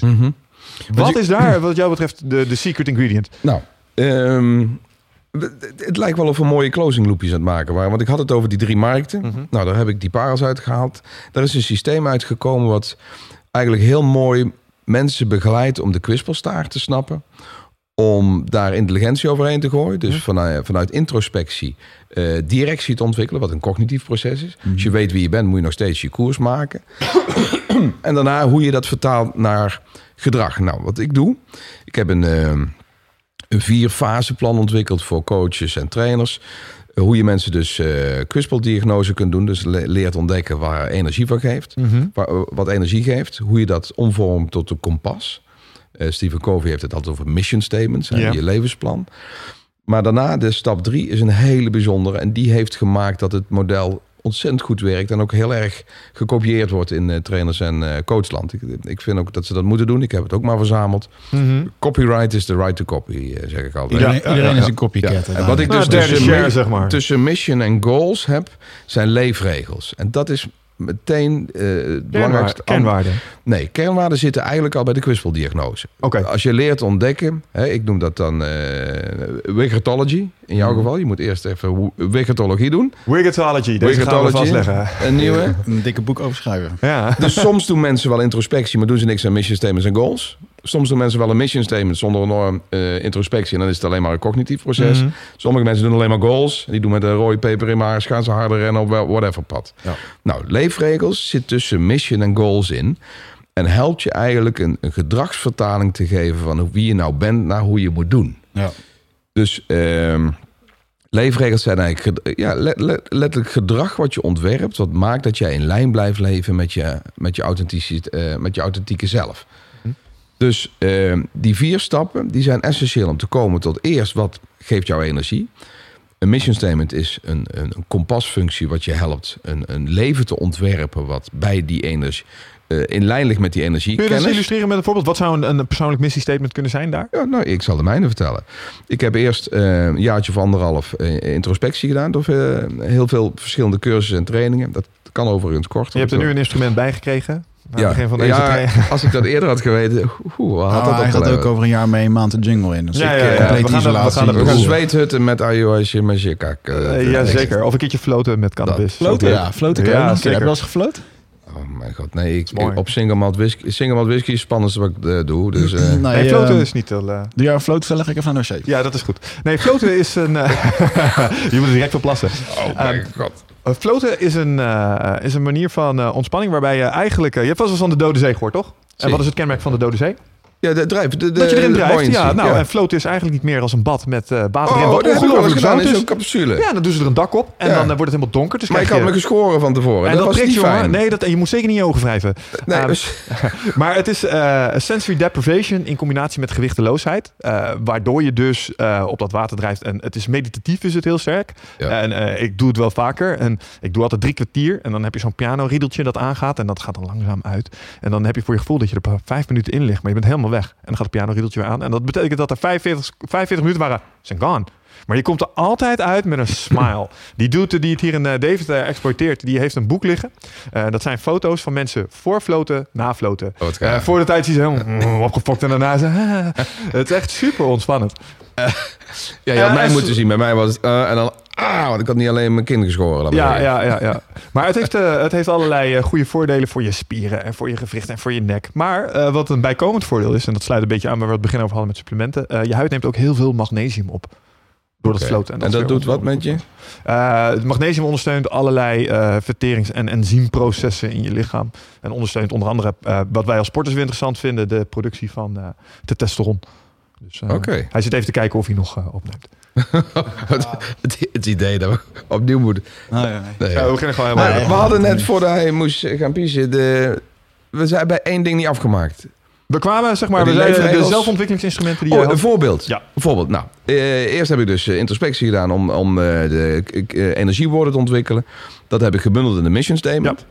Nou, mijn mission statement is de volgende. Ik, Remco Klaassen, heb, geef en creëer positieve energie. Ik groei en help anderen groeien. Ik heb enorm veel, enorm veel lol en ik geniet van een vitale en uiterst comfortabel leven samen met mijn gezin, familie en vrienden. Dat is de algemene koers die ik moet varen om bij mijn kracht te blijven. Mhm. Dat is zeer algemeen ook. Het is zeer specifiek naar mijn kwispelstaart toe. Mhm. Maar het is in principe nog algemeen naar eh, beroepen toe en, en, en functies. Maar als je een mission statement hebt, weet je in ieder geval wat de dominante koers moet zijn voor in je energie te blijven. Maar om dat dan om te vormen naar goals, die stap is te groot. Dus wat ik heb gedaan, ik heb eh, de schijf van vijf gebruikt. Dat is een, eh, een modelletje wat ik uit het programma van Ralf Bakker had. Die had dat als een soort... eh, We hebben het niet over voeding, begrijp ik. nee, nee, dat is niet dat ding met die zuivel in die vis en die graan. En dat, Want dat vinden we wel iets het van. zijn de vijf elementen van het leven. Je hebt een emotioneel leven, fysiek leven, sociaal leven, actief leven en een materieel leven. Ja. En hij gebruikte het destijds, dan moest je jezelf een punt geven van 0 tot 10 op al die facetten. En dan kon je daarna goal setting doen. Ik heb dat model gepakt als een soort divider, een soort differentiator, om vanuit je mission statement naar gedrag te komen. Dus ik kijk met mijn eh, mission statement als bril naar die vijf facetten. Mhm. Dus leefregels zijn geen goals, want goals hebben een einddatum en leefregels niet. Die blijven, zolang je deze eh, identiteit hebt, blijven ze intact. Dus wat ik heb gedaan is mijn mission statement vertaald, kijkend naar deze gebieden. Mhm. Nou, wat zijn leefregels? Ik zal er één of twee noemen. Bij fysiek, eh, jullie zitten in gezondheid en vitaliteit. Ik heb bij, eh, bij het fysieke deel heb ik dat ik bijvoorbeeld elke vrijdagochtend onder de 85 week.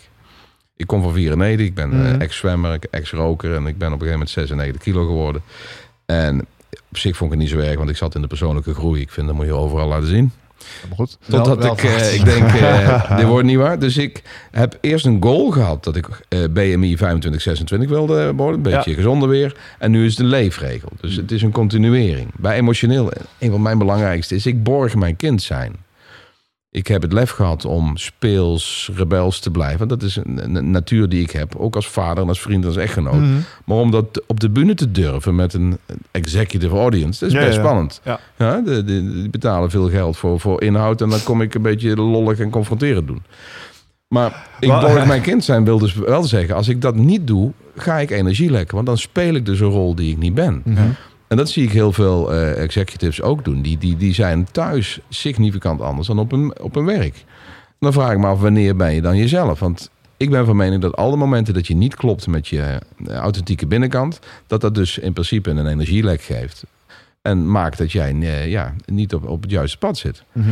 Dus wat zijn leefregels? Nou, die heb ik dus een stuk of drie, vier per schijf van vijf blok. Die helpen mij te doen zoals ik wil zijn. En dat zijnsniveau heb ik ontdekt omdat ik heb gescreend wat ik wil ervaren. Dus je gaat van kwispelwoorden naar koers en van koers naar regels. En goals zijn alleen maar projecten die je op basis van die leefregels dan weer doet. Ja. Dus eigenlijk weer de IT'er aan het woord. Die een enorme stru- structuur heeft gemaakt van hoe je vanuit je hart via je hoofd eh, en je handen je leven een beetje op de rit eh, brengt. Mhm. En dat werkt. En merk je dat het voldoende is om mensen eh, alleen die methodiek te leren? Want ehm, eh, wat ik in de praktijk nog wel zie, dan hebben ze hun goals. Ja. En dan vervolgens moeten ze aan de slag met, eh, met wat het ook maar is wat ze voor zichzelf hebben bedacht of hun doelen hebben herijkt. En dan merk je dat op een gegeven moment als er niet iemand, en nou ja, eh, ook een paar dingen met eh, eh, fysieke trainingen, en daar weet ik al, soms heb je gewoon iemand nodig die naast je staat en tegen je Ja. staat te schreeuwen. Want dan ga je tenminste aan de bak. Ehm, eh, en een boel mensen worstelen met het vasthouden van die koerswijziging Precies. ehm, over de Nou, tijd heen, Op zeg maar. zich blijkt dat als je eh, stap 1 en 2, dus introspectie en directie, die, die Mhm. wisselwoorden en die missies goed doet, dat het borgen van het gedrag wat daarbij hoort niet te moeilijk is. Want het ontspringt uit je passie. Het, het heeft dus te maken met je kwispelstaart. Edoch, het kan op een aantal aspecten nog best lastig zijn. En ik heb een aantal trucjes voor bij elkaar verzameld, ook om, om dat te borgen. Bijvoorbeeld een mastermind club is zeer populair. Alle Ja. trainingen die ik geef, laat ik mensen een mastermind groepje maken. Dat je om de vijf, zes weken bij elkaar komt en eigenlijk even de vinger in het leven steekt van hoe, hoe score ik op, op Mhm. die vijf gebieden. En dat, dat kost je acht keer per jaar. Het kost een uitsmijter en een paar kilometers rijden. Een paar kilometers rijden. Maar je, je hebt gewoon die borging nodig. Een soort support group om dat vast te houden. Ja. En eh, kijk, mijn kanttekening bij mijn markt is dat het soms op een EPO-achtige pitstop manier gebeurt. Je gaat een één of twee dagen per jaar op training. En dan eh, krijg je al die prachtige inzichten. En daarna, oké, dat was gaaf. En dan duik je weer die red race in. Ja. En je moet het eigenlijk structureel borgen. Je kunt niet in één keer jezelf congruent maken. Je kunt niet met één NLP-training je leven doorgronden. Je kunt niet met zeven habits en één boek eh, in één keer... Ja, maar dat eh, is misschien ook wel weer die, eh, eh, die zeitgeist. Mensen willen instant gratification. Dus Ja. ze verwachten dat het met één klik op de knop dat het geupgrade is. En Ja. eh, dat het allemaal vanzelf Nou, gaat. dat wordt niet waar. Nee, dat gaat niet werken, hè? Nee. Zelfontwikkeling. dat, Vandaar eh, dat zo'n burn-out, eh, ja, voordat ik straks eh, allemaal boze berichtjes krijg, het is eigenlijk fantastisch. De, sterker nog, de mensen die wij allemaal hebben geïnterviewd, unaniem geven ze achteraf aan dat een burn-out een van de meest loutere en meest inzichtgevende ervaringen is geweest. Mhm. Achteraf. Want Ja. als je erin zit, is het gewoon kloten. Maar dat komt omdat je weer helemaal aan het begin staat van alles. Van je fysiek, van Ja, je emotionele... Complete reset. En, Je- maar dan wel vanuit de uh, inside Mm. out proberen je leven beter op de koers te brengen. Ja. Hey eindbaas luisteraar, dankjewel dat je zit te luisteren naar deze podcast. Ik onderbreek hem eventjes voor een hele belangrijke boodschap. Of misschien liever gezegd een uitnodiging. Want op 24, 25 en 26 mei, dan is er weer een nieuwe editie van Ride of Passage. Dat is mijn retreat voor persoonlijke ontwikkeling. En speciaal voor de mensen die op zoek zijn naar, ja, naar, naar helderheid. Of dat ze lastig bij hun gevoel kunnen komen. Dat ze moeilijke beslissingen moeten maken. En dat ze zo ontzettend in hun hoofd zitten. Ja, dat ze er eigenlijk gewoon niet meer goed uitkomen. Of dat ze misschien al heel lang in een, ja, een soort van oud gevoel zitten. Dat ze dat gevoel willen transformeren. Of misschien wil je gewoon een oud stuk achter je laten. Ergens een punt achter zetten. En ja, zoek je misschien heling op iets wat, wat je te lang hebt weggeduwd of, of hebt vermeden. Daarvoor wil ik je uitnodigen op 24, 25 en 26 mei om in een retreat mee te doen waar de inhoud van het programma geheim is. Waar de belofte is dat het oncomfortabel wordt. Want jij begrijpt als geen ander dat als je die volgende stap wilt maken, ja, dan zul je uit de comfortzone moeten komen. En ik garandeer je, laat mij dat proces begeleiden met jou voor drie dagen. En je leven zal daarna nooit meer hetzelfde zijn. Gemiddeld beoordelen de deelnemers het met een 9,2. En daar ben ik ontzettend trots op. Er is ook een money back guarantee. Heb je de drie dagen vol, volbracht en vind je het niks, krijg je gewoon je geld terug. Dus het enige risico wat er is, is dat je gelukkiger kan worden. Ik zie je Bride of Passage. Ga naar wichertmeerman.nl en klik op retreat. Ja, inderdaad. En toch ben ik wel, uh, wat grappig ook tijdens die burn-out, we hebben het straks al even over psychedelische middelen gehad. Dat... Um, Blijf het leuk vinden, hè? Ja, ik, uh, ja, maar ik weet ook dat jij dit uh, interessant vindt. En uh, um, wat ik heel interessant vind, is dat um, als je weet hoe wetenschappelijk een psychedelisch middel werkt, dat je hersenen uit verschillende delen bestaat. Uh, in één zit logica, in één zit emotie, in de andere zit ervaringen. Het zijn allemaal dingen die diep ingeworteld zitten. En onder andere het, uh, het, het stukje hersendeel waar schijnbaar levenservaringen en die waar je straks had je het over een verkrachting en dat soort dingen, waar dat diep ingeworteld zit. Of bijvoorbeeld het meest herkenbare voorbeeld, als je ooit een keer bent gebeten door een hond. Als je tien jaar later nog steeds een keer een hond hoort blaffen, dan gaan meteen je, je haren overeind staan. Ja. Trauma eigenlijk. Ja, en op het moment dat je dus zoiets neemt, um, dan lijkt het erop dat in één keer je, uh, de, de, de samenwerking tussen die hersengebieden in één keer de bloedvaten worden verwijt. Er komt meer bloed in en in één keer is het niet uh, een aantal netwerkers die met elkaar contact maken, maar staan in één keer al die netwerken met elkaar in contact en kan dus in één keer je creativiteit bij je emotionele, je logica kan bij je emotionele, wat vaak een hele belangrijke is. Want logica en emotie is een dingetje dat dat zorgt er ook voor dat, de, dat dingen botsen. Hè? Want uh, emotie is een stukje, een stukje ego vaak ook. Ja. Uh, logica, we proberen het allemaal te redeneren. Uh, je hebt je omgeving die loopt te pushen over dit en dat. je wil niet toegeven, het is zo'n complex iets. En op het moment dat je dit dus doet, dan krijg je dus in één keer, ja, zie het gewoon als een, als een optimale hersenpan, die, waar alles met elkaar in verbinding staat. En in één keer kom je tot inzicht of tot, uh, tot andere dingen. En dat is waar de term geestverruimend middel vandaan Precies. komt. Ja. En dat is de reden waarom ik een paar weken geleden weer dat een keer had gedaan. Dat een keertje psilocybin mushrooms mm. gedaan. En waar ik ook zei tegen de gozer waarmee ik dat had gedaan. Ik zeg, man, iedereen die een fucking burn-out heeft, moet, moet thuis zitten. Die moet dit gewoon doen. Dus, dan Philip Simon? Psilocybin, dat is het actieve bestanddeel dat in uh, uh, magic mushrooms of truffels zit. Oké.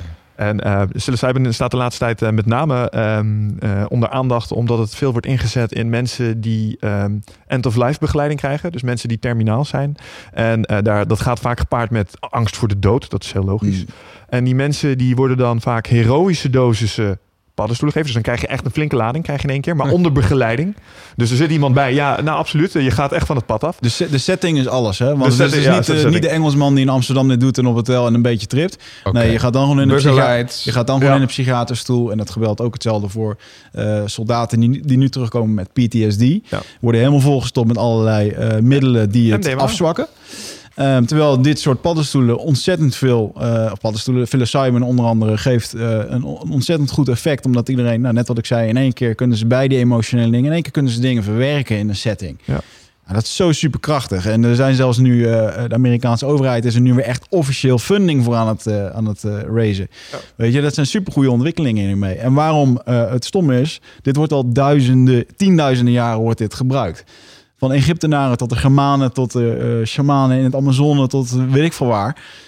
Vinden we van dit soort dingen terug. En in de afgelopen jaar, 100 jaar, hebben wij met z'n allen bedacht dat we burn-outs moeten krijgen. Dat, het, te, uh, ja, dat dit soort middelen in een esoterisch hoekje zitten. Wordt een beetje weggehaald. Nee, is eng. Oh, dat doe je toch niet? Nee. Wij zijn nu 50 jaar bezig met allerlei middelen te slikken waarvan we de effecten niet eens weten. Ja. Dat doe je niet. Wat we de afgelopen 10.000 jaar hebben gedaan, is misschien zo helemaal zo gek nog niet. Weet je? En het is een soort van vergeten dingetje. En ik ben ervan overtuigd dat uh, dat, dat soort dingen.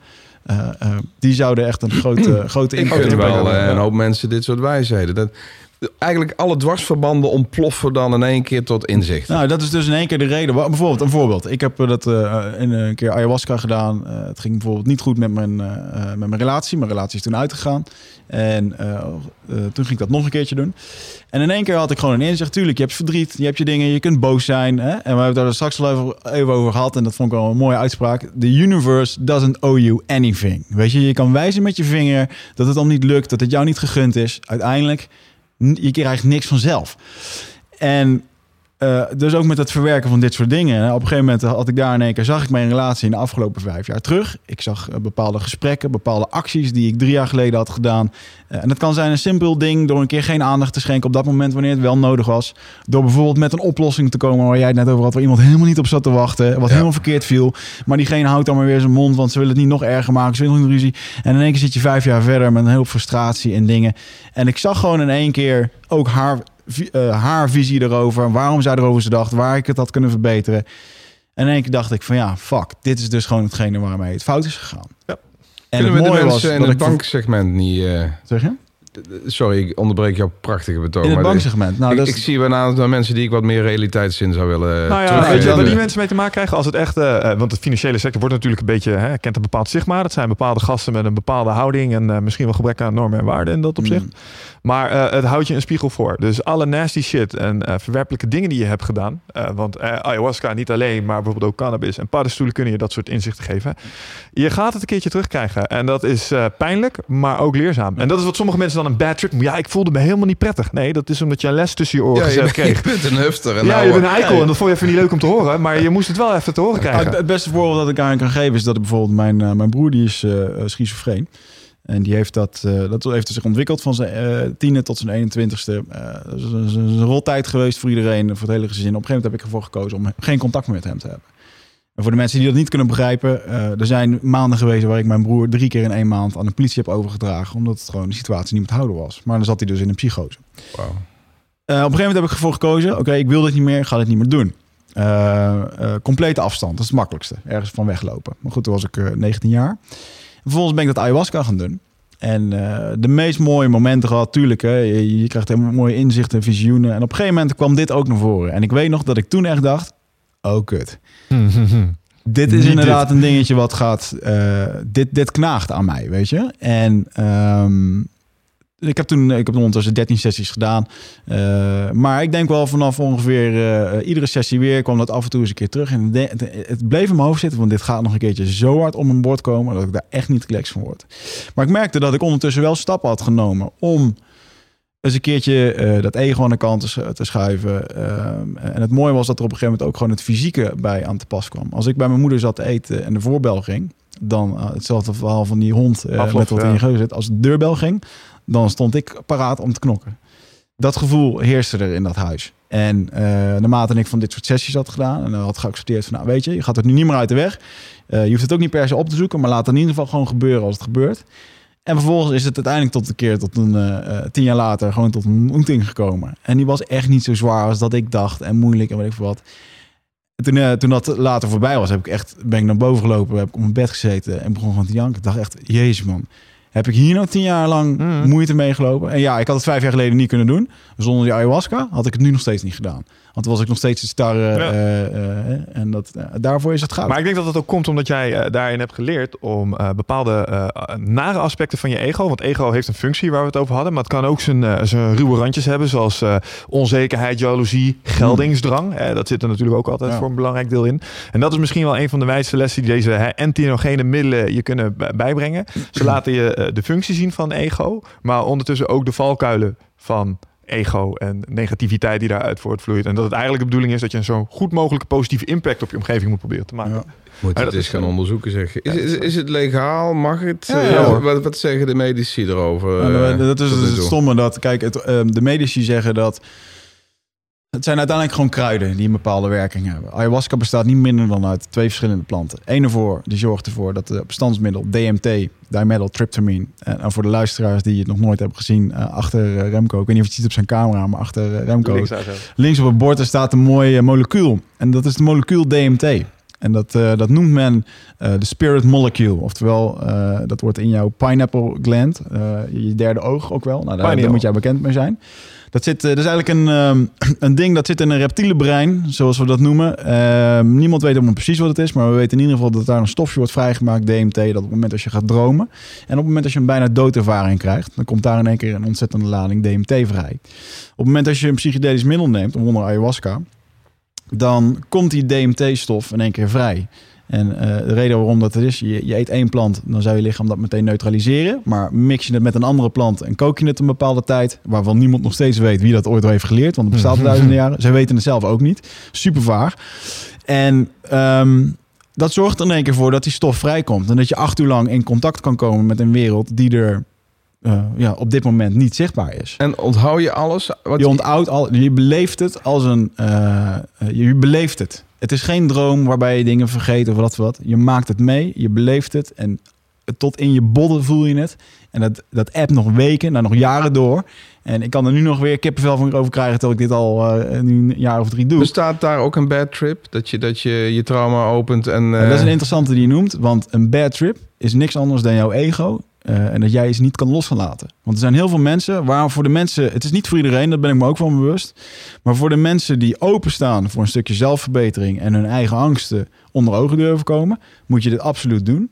Maar een bad trip bestaat 9 van de 10 keer uit het moment dat je geen controle meer hebt over wat er op dat moment gebeurt. En dan krijg je dus de, de Engelsman of de Nederlander die een keertje voor de grap van die paddenstoeltjes gaat doen en geen idee wat hij aan het doen is. En in één keer is het niet meer te controleren en je zit acht uur in een wereld waar je niet uit kan. Ja.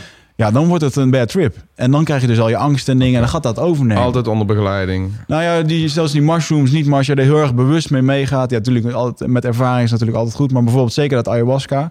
Ja, dat is niet voor niks dat dat met een shaman is. Dan moet je voorstellen, dat zijn gewoon gasten. Die zijn, worden vanaf een vierde uitgekozen. En die worden daar gewoon het bos in gestuurd. Ik ken jongens die, eh, eentje van 30 is een shaman. Eentje van 60 jaar die 60 jaar ervaring hebben in het begeleiden van mensen met dit soort dingen. En dat, is niet normaal. En er zitten mensen die uh, uh, met Parkinson, uh, met psychische klachten, met dingen. En die komen eruit en die zeggen gewoon letterlijk: joh, het is voor het eerst in de 14 jaar dat ik geen pijn meer voel.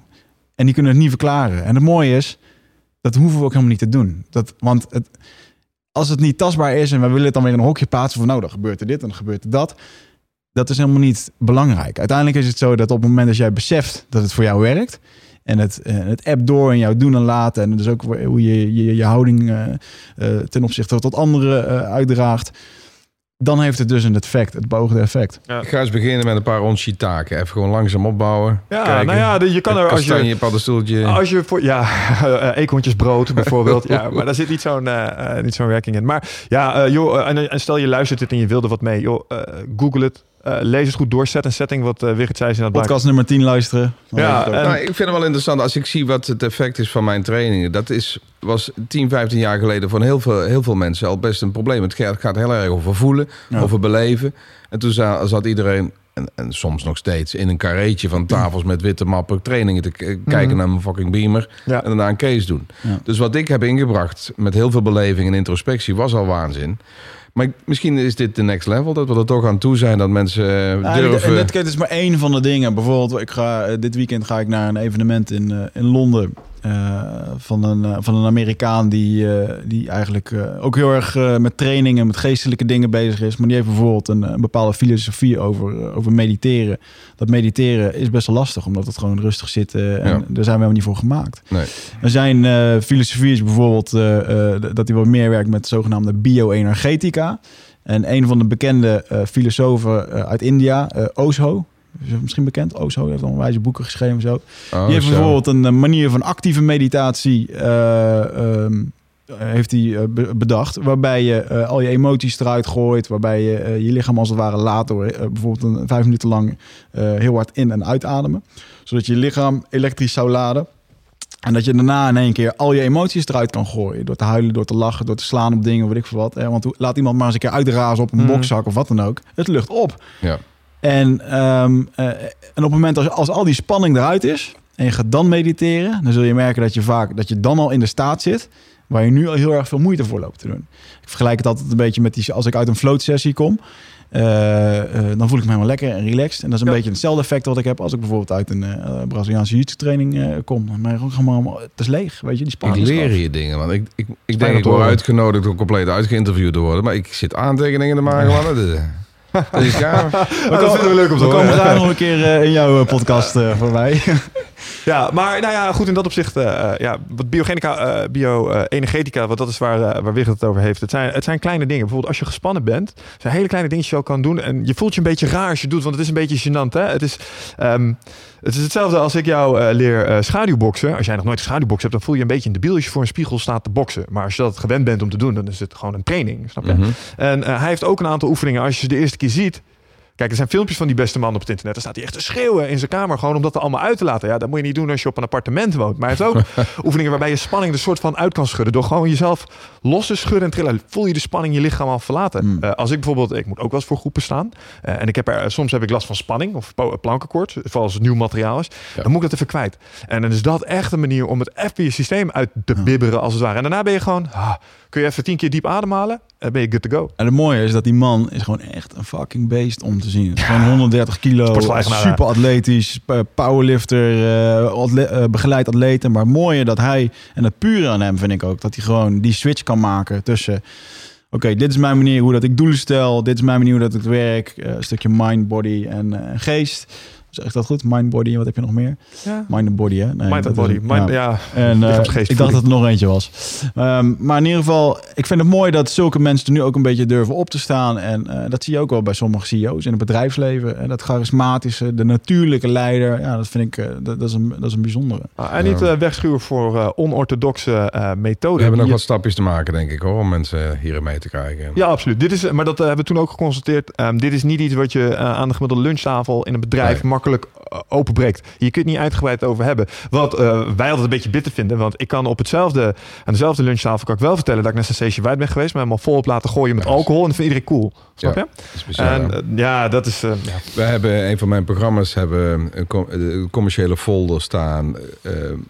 Eh, dat, heet, dat heet dan gewoon netjes window dressing. Staat niet helemaal wat we echt doen. Ik Mhm. heb bijvoorbeeld eh, een van mijn trainingen zit de geleide visualisatie. Ja, Nou, dat vinden jullie helemaal. Dat is de, de onderkant van wat jullie nog. eh, ja, dat is nog Ja. een normale trippie. Maar in mijn marktsegment is dat al een beetje vaag. ja. Je wilt gewoon guided het- meditation. Gewoon een meneer die je vertelt wat je moet visualiseren. Een beetje oogjes dicht en netjes ademhalen. En dat is een hele licht. Kijk, waar we het net over hebben gehad, dat is echt gewoon een hele andere. Dat is next level shit.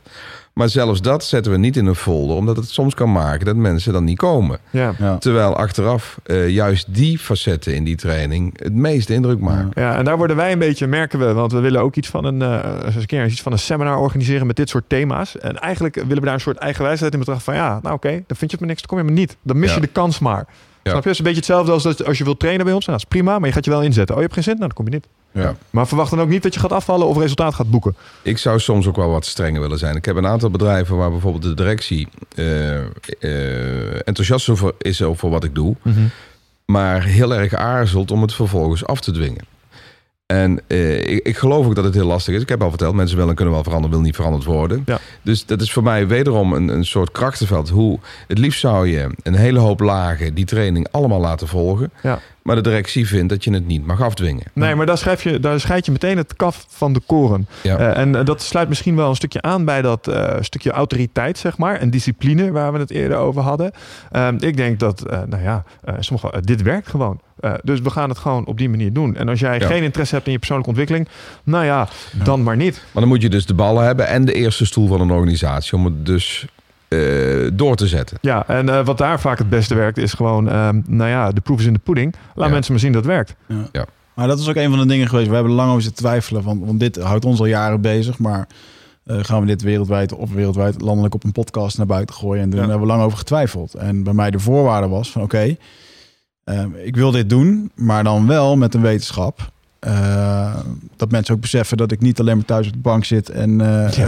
eh, Weet je, ik heb gewoon meerdere bedrijven die succesvol zijn, wat nu loopt. Ik heb op een hoog niveau gesport. Ik heb in een ring gevochten. Dus ik ben een. Ik ben niet dit standaard type. ehm, waarvan mensen zijn. Toevallig bij mijn fysio was ik vorige week nog. En dan vertelde ik dit ook weer dit verhaal. Loop ik me weer enthousiast te maken. Hij zei: Hé man, ja, ik zou het normaal niet echt aannemen. Maar voor jou, eh, ja, dat jij dat doet, dat ik echt niet verwacht. Maar dan vind ik het wel cool. En dan is het in één keer. eh, Oké, dus dan is het in één keer Ja, wel. we eh, proberen dit soort dingen uit het hippiehoekje te halen en te laten zien dat als je een enthousiast, ambitieus, ondernemend persoon bent, dat dit absoluut een plek kan hebben in je Ja. leven. Kijk, we hadden het er straks bijvoorbeeld over reflectie en burn-outs. Een van de dingen die het je ook kan brengen, een van de dingen die cannabis je bijvoorbeeld kan brengen, is. Ehm, ik vergelijk het wel eens als volgt. Eh, je wordt, eh, als je geboren wordt, word je uit het vliegtuig geduwd. Ah, je flikkert naar beneden. En er zijn bepaalde dingen op deze wereld die kunnen jou helpen om soms even de, para- hè, de parachute uit te klappen. Even rond te hangen en denken, Jezus Christus, wat is het in godsnaam voor een rare wereld en een raar leven. En Hmm. hoe werkt dit allemaal in godsnaam? En dan klopt het ding, ah, dan flik je weer door naar beneden en dan ga je weer verder in die rat race. Maar heel soms die momentjes van even daar hangen en even om je heen kijken en denken van, oh, wat de fuck gek, ik woon in Ja. deze wereld, in Nederland. Moet je kijken wat we allemaal doen. We zijn allemaal half telepathisch aan het worden. Eh, we gaan eh, naar Mars. We gaan, what the fuck. En eh, als je het constant in die rat race zit, heb je niet de tijd voor die reflectie. En tijdens dat hangen ga je ook nadenken over jezelf. En of dat nou cannabis is, of dat is ayahuasca. Maar die reflectiemomenten, die zorgen ervoor dat je, nou ja, eh, je groei weet te pakken. Ja. En ehm, het hele ding eh, met, eh, met dit soort dingen is, ja, wij, wij komen uit het Braziliaanse Jiu-Jitsu. Daar heb je een meneer Rickson Gracie en die zei ooit eens een keer, de geest is een beetje als een parachute. Die werkt het beste wanneer die open is. Dus wij schuwen niet weg voor, nou ja, onorthodoxe methodes om toch net weer even dat extra stukje Ja. uit je bijvoorbeeld je training te halen. Daar kun je ook allerlei dingen doen. Kijk, wij liepen redelijk snel eh, al voordat het echt mainstream was eh, te foam rollen en dat soort dingen. Dat is dan weer heel fysiek. Dan kun je voor een training, kun je op een rol kun je gaan zitten. Dat activeert eh, je spierstructuren. Kun je in één keer diepe squatten. Kun je meer uit je training halen, want meer range of movement. Nou, zodra zoiets verschijnt, vinden wij kikken. Gaan we proberen. Doet dit iets voor je? Zo ja, nou dan omarmen het. Beetje hetzelfde als jij. Dan halen we die krenten uit die pap en dat voegen we dan toe aan ons holistische Ik vind mij na deze podcast al lang niet meer afwijkend. Dit, jullie zijn weird. eh, dus ik voel me ineens een stuk normaler. Ja, dat is fijn. ik, Nee, ik, maar ik, dat ik brengen heb nog een eindje te gaan. Ik vind het mooi dat jij wat je straks zei van eh, dat, stukje, eh, dat stukje echtheid wat je eh, als persoon wil en wat je uit wil dragen, dat dat belangrijk is. Hè? Want anders dan ben je niet meer je eigen rol aan het doen. Ja. Ehm, de reden waarom Eindbazen zo'n succes is, is absoluut dat men eh, eh, in één keer eh, een stukje echtheid ziet. Of een stukje, want ja, toneelspelen hadden we allemaal gekund. En de perfecte podcast houden en alleen maar braaf over dingen praten. Maar- ja, weet je, ik, ja, ik vind het juist wel grappig. Ik vind het ook gewoon... en het werkt ook gewoon voor ons. Maar, maar het is ook een stuk eh, eh, lead by example. Want een van deze dingen die ook bij dit podcast hoort is... eh, voordat we begonnen, echt niet over liegen. Wigert heeft me in dat op zich ook wel een beetje over de streep moeten trekken. Want ik had ernstig last van een stukje imposter syndrome. Wie ben ik nou om hier in godsnaam te gaan zitten en daar Ja. iets over te gaan vertellen? Dat Ja. is belachelijk. Maar uiteindelijk hebben we wel besloten dat een van de grootste zelf opgelegde beperkingen van mensen is de mening van anderen. En wij hebben besloten... Fuck it. We gaan geen dingen meer laten omdat anderen daar mogelijk iets van kunnen vinden. Wie ben jij nou om er iets van te vinden? Weet jij hoe het zit? Dat is lastig hoor. Niemand weet hoe het zit. Niemand weet hoe het zit. We gaan met z'n allen straks een keer dood. Ehm, jij weet niet wat hierna komt. Ik weet niet wat hierna komt. En jij denkt te menen dat jij weet hoe ik mijn leven moet invullen. Nou, ik denk dat ik dat zelf maar ga Ik bepalen. denk dat veel mensen hier heel veel problemen mee hebben om juist die, die, aan, eh, die stap te maken. Om los te komen van andermans. eh, Hmm. ehm, ik heb daar best wel eh, lang voor nodig gehad. Ik heb één keer een coach gehad die zei klaar. Want ik ben redelijk waarderingsgevoelig. Mhm. Eh, ik wil dat iedereen me leuk vindt. En Ja. dat kan natuurlijk nooit. Nee. Hè? en eh, hij zei, er zijn altijd drie groepen mensen in jouw omgeving. Mensen die helemaal weg van je zijn. Mensen die nou, neutraal en mensen die van je balen. Mhm. Als jij tegemoet wil komen aan die mensen die van je balen... kun je dan na je effectieve verandering... heb je weer drie gro- groepen mensen. Ja. Ja. En er is eigenlijk no way to win. En, ehm, Maar dat heeft- is juist goed, joh. Uh, Mensen- Ja, achteraf ben ik daar zeer blij mee. Jullie hebben gelukkig heel, heel jong dit al ontdekt. Maar eh, dat is iets wat zo dominant in iemands gedrag en iemands eh, het zelfbeeld zit. Hè, wat anderen van je vinden Mhm. en eh, hoe je dat inaugureert. Ja, maar wij, Ik, wij eh, hanteren daar de filosofie in. Eh, op het moment dat mensen eh, een hekel beginnen te krijgen aan de dingen die je doet, zeg maar. Als je geen haters hebt, moet je harder werken. Want dan heb je blijkbaar nog niet, nog, nog niet genoeg succes. En als ze praten gaat het goed, maar als ze haten gaat het beter. Snap je? Als jij goed bezig bent en je bent op de juiste weg. Ali G zei daar ooit eens een keer iets moois over. Ehm, als videospelletjes me één ding geleerd hebben, dan is het dit. Als ik tegenstanders tegenkom, ben ik op de goede weg. Ali G. Ja, dat is eh Dat andere- cabaretier. eh. Ik weet niet die wel, maar... eh, Nee, nee, dat, ja, dit, die heeft Borat onge... Dat is de acteur die Borat op een gegeven moment als film heeft gemaakt. Oh, ja. Ali G, ja. Mooi. En, ehm, maar die zei dus... Oh, Sharon... eh, juist. Ah. En hij zei dat. En hij heeft gelijk. Want als je geen weerstand tegenkomt... eh, ja, dan zul je wel ergens mee bezig zijn, maar nobody cares. Oh? Oké, maar dat heb ik wel. Ik, ik heb wel weerstand. Ja, toch? Heb jij vaak dat je, in een, eh, dat je op een podium staat en dan... eh, want je, je- ik, ik weet gewoon 100% zeker dat als je op een podium staat en je begint te ratelen... dat je af en toe uit enthousiasme misschien wel eens een keertje uitwijkt naar de dingen... die inderdaad wat meer next level zijn. Dat je dan de reactie van iemand in het publiek zit op de rij 3 vooraan... dat je Ja. denkt van, hmm, dit viel niet goed. Ja, ik heb dat geregeld. Ik, eh, als je in je vuur komt, eh, ik verlies dan wel eens eh, eh, het, het oog op de verhaallijn, op de tijd en op alles. Nou gaat het meestal wel goed, want ik, ik denk dat als mensen je inspiratie voelen en je enthousiasme, gaan ze gewoon lekker mee. Eh, alleen het is al, als je maar vijf kwartier hebt en mensen moeten daarna weer gewoon na de lezing weer gaan werken, dan is het even lastig. Ja. En ik merk dat mijn stijl wel eens irriteert. Ik heb eh, vrij weinig handel in de Bijbelbelt, omdat ik te expliciet ben in mijn, in mijn zinnen. Terwijl ik eigenlijk eh, de lieve Heer, Boeddha, Allah en al die eh, mijn rust laat. Hmm. Alleen, We hebben ook niet veel klandizie in de... nee, dat is weinig. en ja, ik, maar ik denk, ik, ik heb op een gegeven moment bepaald dat als ik niet mezelf durf te zijn op de bühne, dan komt het verhaal ook gewoon niet meer over. Ja, maar dat is die authenticiteit. Ja. Hmm. Juist, maar dat is best spannend. Ik vind dat jullie dat ook al zeer jong ontdekken. Dus eh, dat is wel Vind, mooi je, hoor. vind jij niet, want je hebt nu, eh, zo zie ik het dan, hè? Je, hebt, eh, je hebt een specialisme, je hebt je, je eigen programma gemaakt. Als ik Ja. nu kijk naar mijn eigen dingen die ik allemaal heb geprobeerd. Eh, ik zit in een Amerikaanse marketing mastermind, Amerikaanse mentor. Komende zaterdag ga ik weer een nieuw ding, ook weer iets. Eh, ik heb een coach, eh Michael Pelagic, zeg jij misschien wat. Die wordt coach met mijn bedrijf, eh, cursussen dit en dat, goal setting, Brian Tracy in Amerika, een boek van 60 pagina's, allemaal doelen opstellen. Het allemaal in een paar jaar, eh, in de afgelopen twee jaar gedaan. Er is niet één cursus, heb ik, heb ik, eh, ben ik achtergekomen. niet één methode. Ja. En ehm, de mensen die bij jou komen, die krijgen het pakketje. Want dat is al een blend. Ik Ja. ben, eh, iemand heeft mij een keer een multiguru kenniskliko genoemd. Ik vond het in het begin een beetje, ik denk, het is een beetje een nare naam. Wacht even, multiguru. Multiguru kenniskliko. Nice. Win je- ik- win vind je- dat een compliment. Ja, maar dat, in, in het begin had ik dat niet door. Het is gewoon, ik heb zo, ik, ik geloof niet één persoon, dus ik ben ze allemaal gaan doen. Ja. Ja. En misschien als je dan toch vanuit een eh, ja, karmic manier naar mijn leven kijkt, ben ik dus wel informa had ik dus informatieanalist moeten worden om dit te kunnen gaan doen. Exact. Ja, ik ben dus door die IT-studie op een bepaalde manier naar die berg informatie gaan kijken. En ik heb dat de essentie leren extraheren en dat op, op ja, in een structuur te plaatsen. Ik herken heel erg wat je zegt, want je hebt die berg met kennis liggen, daar zitten allemaal elementen in. Maar als ICT'er ben je natuurlijk noodgedwongen om in protocollen, procedures, Ja. systemen, architecturen te denken. Dus je gaat automatisch kaderen en modelleren, want dat is wat je Ja. doet, normaliseren eigenlijk. Ja, dat, eh, je Maar, moet- maar moet- ik bied dus eh, eigenlijk al een blending aan van een hele hoop eh, systemen en, en manieren om tegen persoonlijke groei aan te kijken. Ja. Daarom denk ik dat de, de, de programma's succesvol zijn geworden. Mensen, eh, eh, ongeacht hoe je kijkt naar het fenomeen persoonlijke ontwikkeling, gaan mensen, omdat het een blending is, toch altijd eh, hun eigen zaken eruit halen. Dan Ja. voelt het alsof, hey, dit, ik heb heel vaak dat mensen zeggen, deze trainer was helemaal op het juiste moment en helemaal op, voor, m- op, op, op mij afgestemd. Ja. Maar als iedereen dat zegt in een zaal, dan is het natuurlijk onzin. Maar dan heeft het dus te maken met het bijna universele wijsheden zijn. het moment. die, Ja, nou ja, eigenlijk zeg je, eh, wat ik wil eens zeggen over mijn trainingen, als het bijvoorbeeld om time management gaat. Ik ga je hier een eh, training komen geven en dat is één grote open deuren parade. Ik ga je allemaal dingen vertellen die je al lang wist, maar gewoon nog even een keer moest horen. Ja.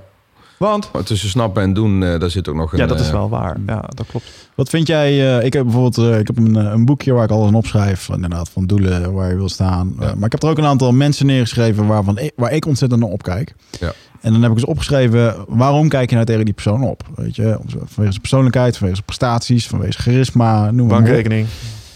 Denk jij dat het belangrijk is om jezelf te spiegelen met rolmodellen? En, Ik zie het als een van de introspectieve oefeningen. Ik heb in de geleide vi- visualisatie werk ik met gidsen. Dan ontmoeten mensen gidsen.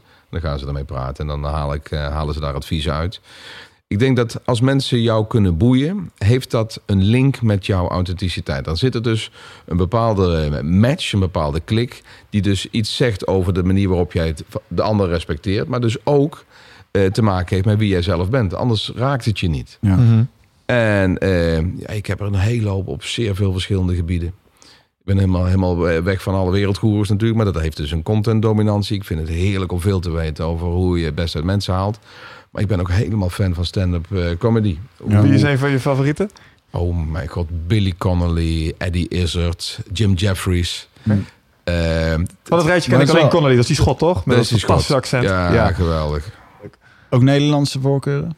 Hey. Oh ja, die heb ik ook allemaal. Hans Theo en Theo Maas. En, en, en ook Joep van het Hek en Freek de Jong. Ik Ja. heb eh, urenlang eh, heb ik altijd in mijn auto... eh, mijn auto is een soort kennisbibliotheek. Hè, de, de goeroes, de, de, de Covies, de Zig Ziglers. De, ze hebben allemaal tapes vroeger. Ja, dat heb je niet meer meegemaakt. Hè? Dat is een kunststof Ik heb ding. audioboeken met een, eh, uit een iPhone. Ja, nee, Ja, Wigert, dus- eh, Wigert is een van de generatie die kent het verband tussen een potlood en een cassettebandje niet meer. Nee, de- Die ja, weet niet wat dat met elkaar te maken heeft. dat is essentieel. Zonder potloodje kon je je Sony Walkman niet... Ja. eh, Moest de batterij worden leeggemaakt. oh Ook ik eh, zat in Frankrijk drie weken op vakantie dat ik mijn bandje eruit haalde. Vervolgens met allemaal draden. En dat ik dacht Ja. van kleren, maar Michael Jackson bandje doet het niet meer. Serieus? Dus, Heb ja. Je er nog wel eens één gemaakt? Want dat is voor de hardcore old school. hè? Eh, dat je ja, zelf. Een eigen eh, mixtape, je favorietje Oh, ja. breekt en dan... eh, Ah, dat niet. Nee, dat niet. Eh, maar heb ik je heb niet wel, geleefd, jongen.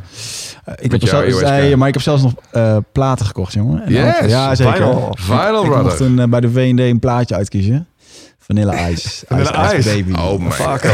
Ja, Toen was Hij ik kan het dansje nog steeds. Wigert, laat zien. Ik denk dat ik eh Nee, nee, is- zeven of zo was. Zeven of zes. En ik heb hem eigenlijk alleen maar gekozen. Ik had niet eens geluisterd. Ik heb hem gewoon gekozen vanwege het uh, kaft. afhoor, vanwege de kaft. Ja. Eh, iedereen weet zijn eerste album waarschijnlijk wel. Mijn was Black Sunday van Cypress Hill. Welke was jou? Volgens mij mede. Maiden. Ja. Ah, metal, dat je zei het al, ja. helemaal, Ja, zo, trouwens wel onverwacht hè, dat jij eh, metal vet Ja, vindt. en het is alleen maar erger geworden. Want vroeger was het Motorhead en Slayer en eh Metallica. Maar het is Dat, nou en echt, dat noem jij dan de mainstream metal Dat is nog gewoon lekker rustig. mm. Als je dat ligt eraan aan wie het vraagt. eh, Flash God, Apocalypse of de Black Dahlia Murder, de Necrophagus, dat is... Er zitten nu echt een paar metalers. Ja, fuck ja. Dat houdt mij helemaal alert. echt Ja. bizar. Mooi. Gebruik jij muziek in dat opzicht als, eh, als instrument voor je eigen Yes, productiviteit? Ja, ik ook. Absolutely. De- de- Yes. het is Spotify, een- man? Ook. Oh, het is een van de meest makkelijke katalysatoren voor emoties. Mensen, Ik gebruik in mijn trainingen eh, eh, muziek als... als ik doe heel veel aan priming. Dus Mhm. dan breng ik eigenlijk mensen al een bepaalde modus... Voor, die ik nodig heb voor de oefening die komt. Eigenlijk best aan het mindfucken. Eh, ik noem het mindfompen. Fompen is een thema in mijn... Dat is een eufemisme.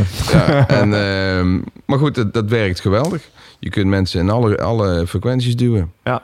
Muziek irritatie, sowieso. lol, mooi, voldoening. eh, ja, gaaf. Ja, werkt voor mij ook eh, erg goed. Oké, ehm, in dat opzicht... ehm, Klopt die tijd hier? Zijn wij nou ja, bijna we twee zijn, ja, tijd vliegt echt heel erg als je Kan toch helemaal niet, man? Hiermee We bezig moeten, gaan, we moeten gaan afronden. Hè?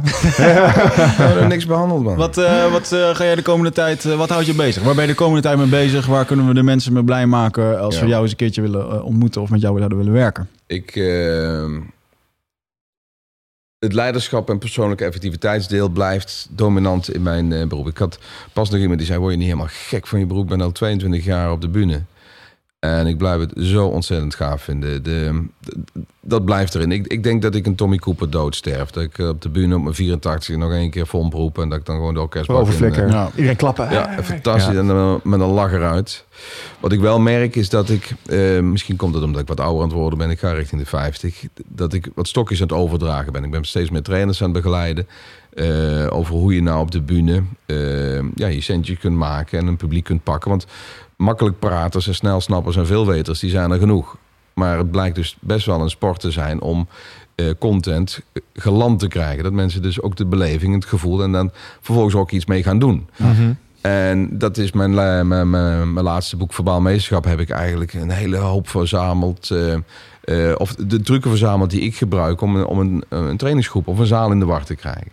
Hoe krijg je ze tot een staande ovatie? Hoe kun je een lach en een traan losweken? Ehm, zodanig dat de content die je wil overbrengen beklijft. Ja. Ja. Dus als je het hebt over mijn eh, volgende jaren, denk ik dat er de verhouding wat gaat verschuiven. Het is nou 5% verbaal meesterschap in mijn leven en 95% leiderschap en communicatie. Ja. En ik denk dat dat richting 50-50 gaat. Want ik, vind- ik vind persoonlijke ontwikkeling is gewoon de shit. Dat blijft mij Ja, ja, ja, het is ultiem in, inspireren. En ik denk dat ik een groot deel eh, van, van nieuwe, een nieuwe trainer in Nederland wil gaan begeleiden om meer impact te krijgen. Want eh, je verhaal houden naast zo'n zo'n zo'n beamer, dat, dat kan iedereen wel. Ja. Ja, ja. En dat zijn er ook Of met, duizenden eh met Sheets. Ik zag, eh, ik heb even naar je boeken gekeken. Ja. Ehm, en een van de dingen is, eh, probeer het verhaal eh, bijvoorbeeld zonder Sheets te doen. Het Ja. eerste wat ik erop schreef, dat gaat voor mij een probleem worden. Een van de ergernissen tussen Wigert en mij is dat als je mij een workshop schrijft, ik heb 200 sheets. Ja. Ik gebruik het wel zeggen als een rode draad, zeg maar. Ja, kapper, gast. Ja, ik nou ja, ben eh, voorzitter slachtoffer hulp PowerPoint presentatie in Nederland. ja, ja, ja, ja. Deel nooit het eh, podium met iets wat meer licht geeft dan jijzelf. Dat vind ik een hele mooie. Ja. Ik gebruik wel eens, ik, ik gebruik in mijn training wel een beamer, maar dan laat ik een filmpje zien en dan zorg ik dat ik zelf in het publiek zit. Ja. Hm. Dus nooit samen. Dus of ik ben indruk aan het maken, zodanig dat ik precies weet waarom welke woorden wanneer waar eh, impact hebben. Mhm. Of ik geef de macht over aan zijn lichtbak en dan doet hij het werk voor mij, dan pak ik het weer terug. Mhm. Maar nooit samen. Ja.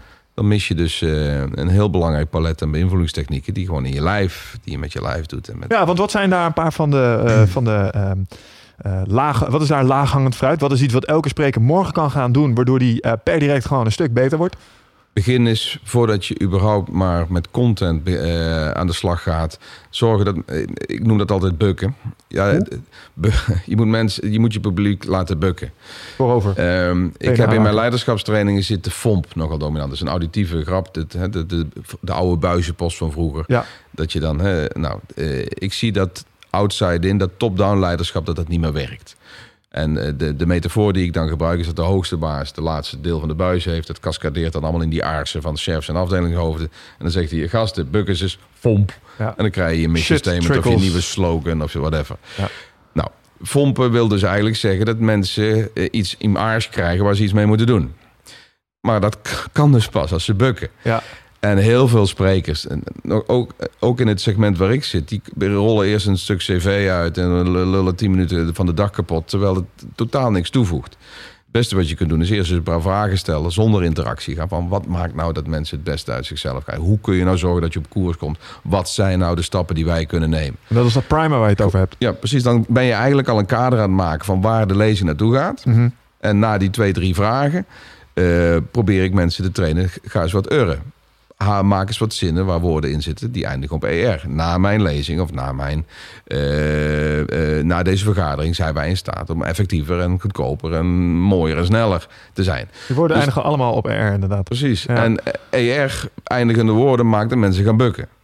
Dus met die wie geef je, pak je die aandacht. De mensen hebben een, een Pavloviaanse noodzaak om dan naar jou te gaan kijken. Mhm. Dus vragen zijn zeer dwingend. En als je die vragen dan combineert met ER-woordjes, Mhm.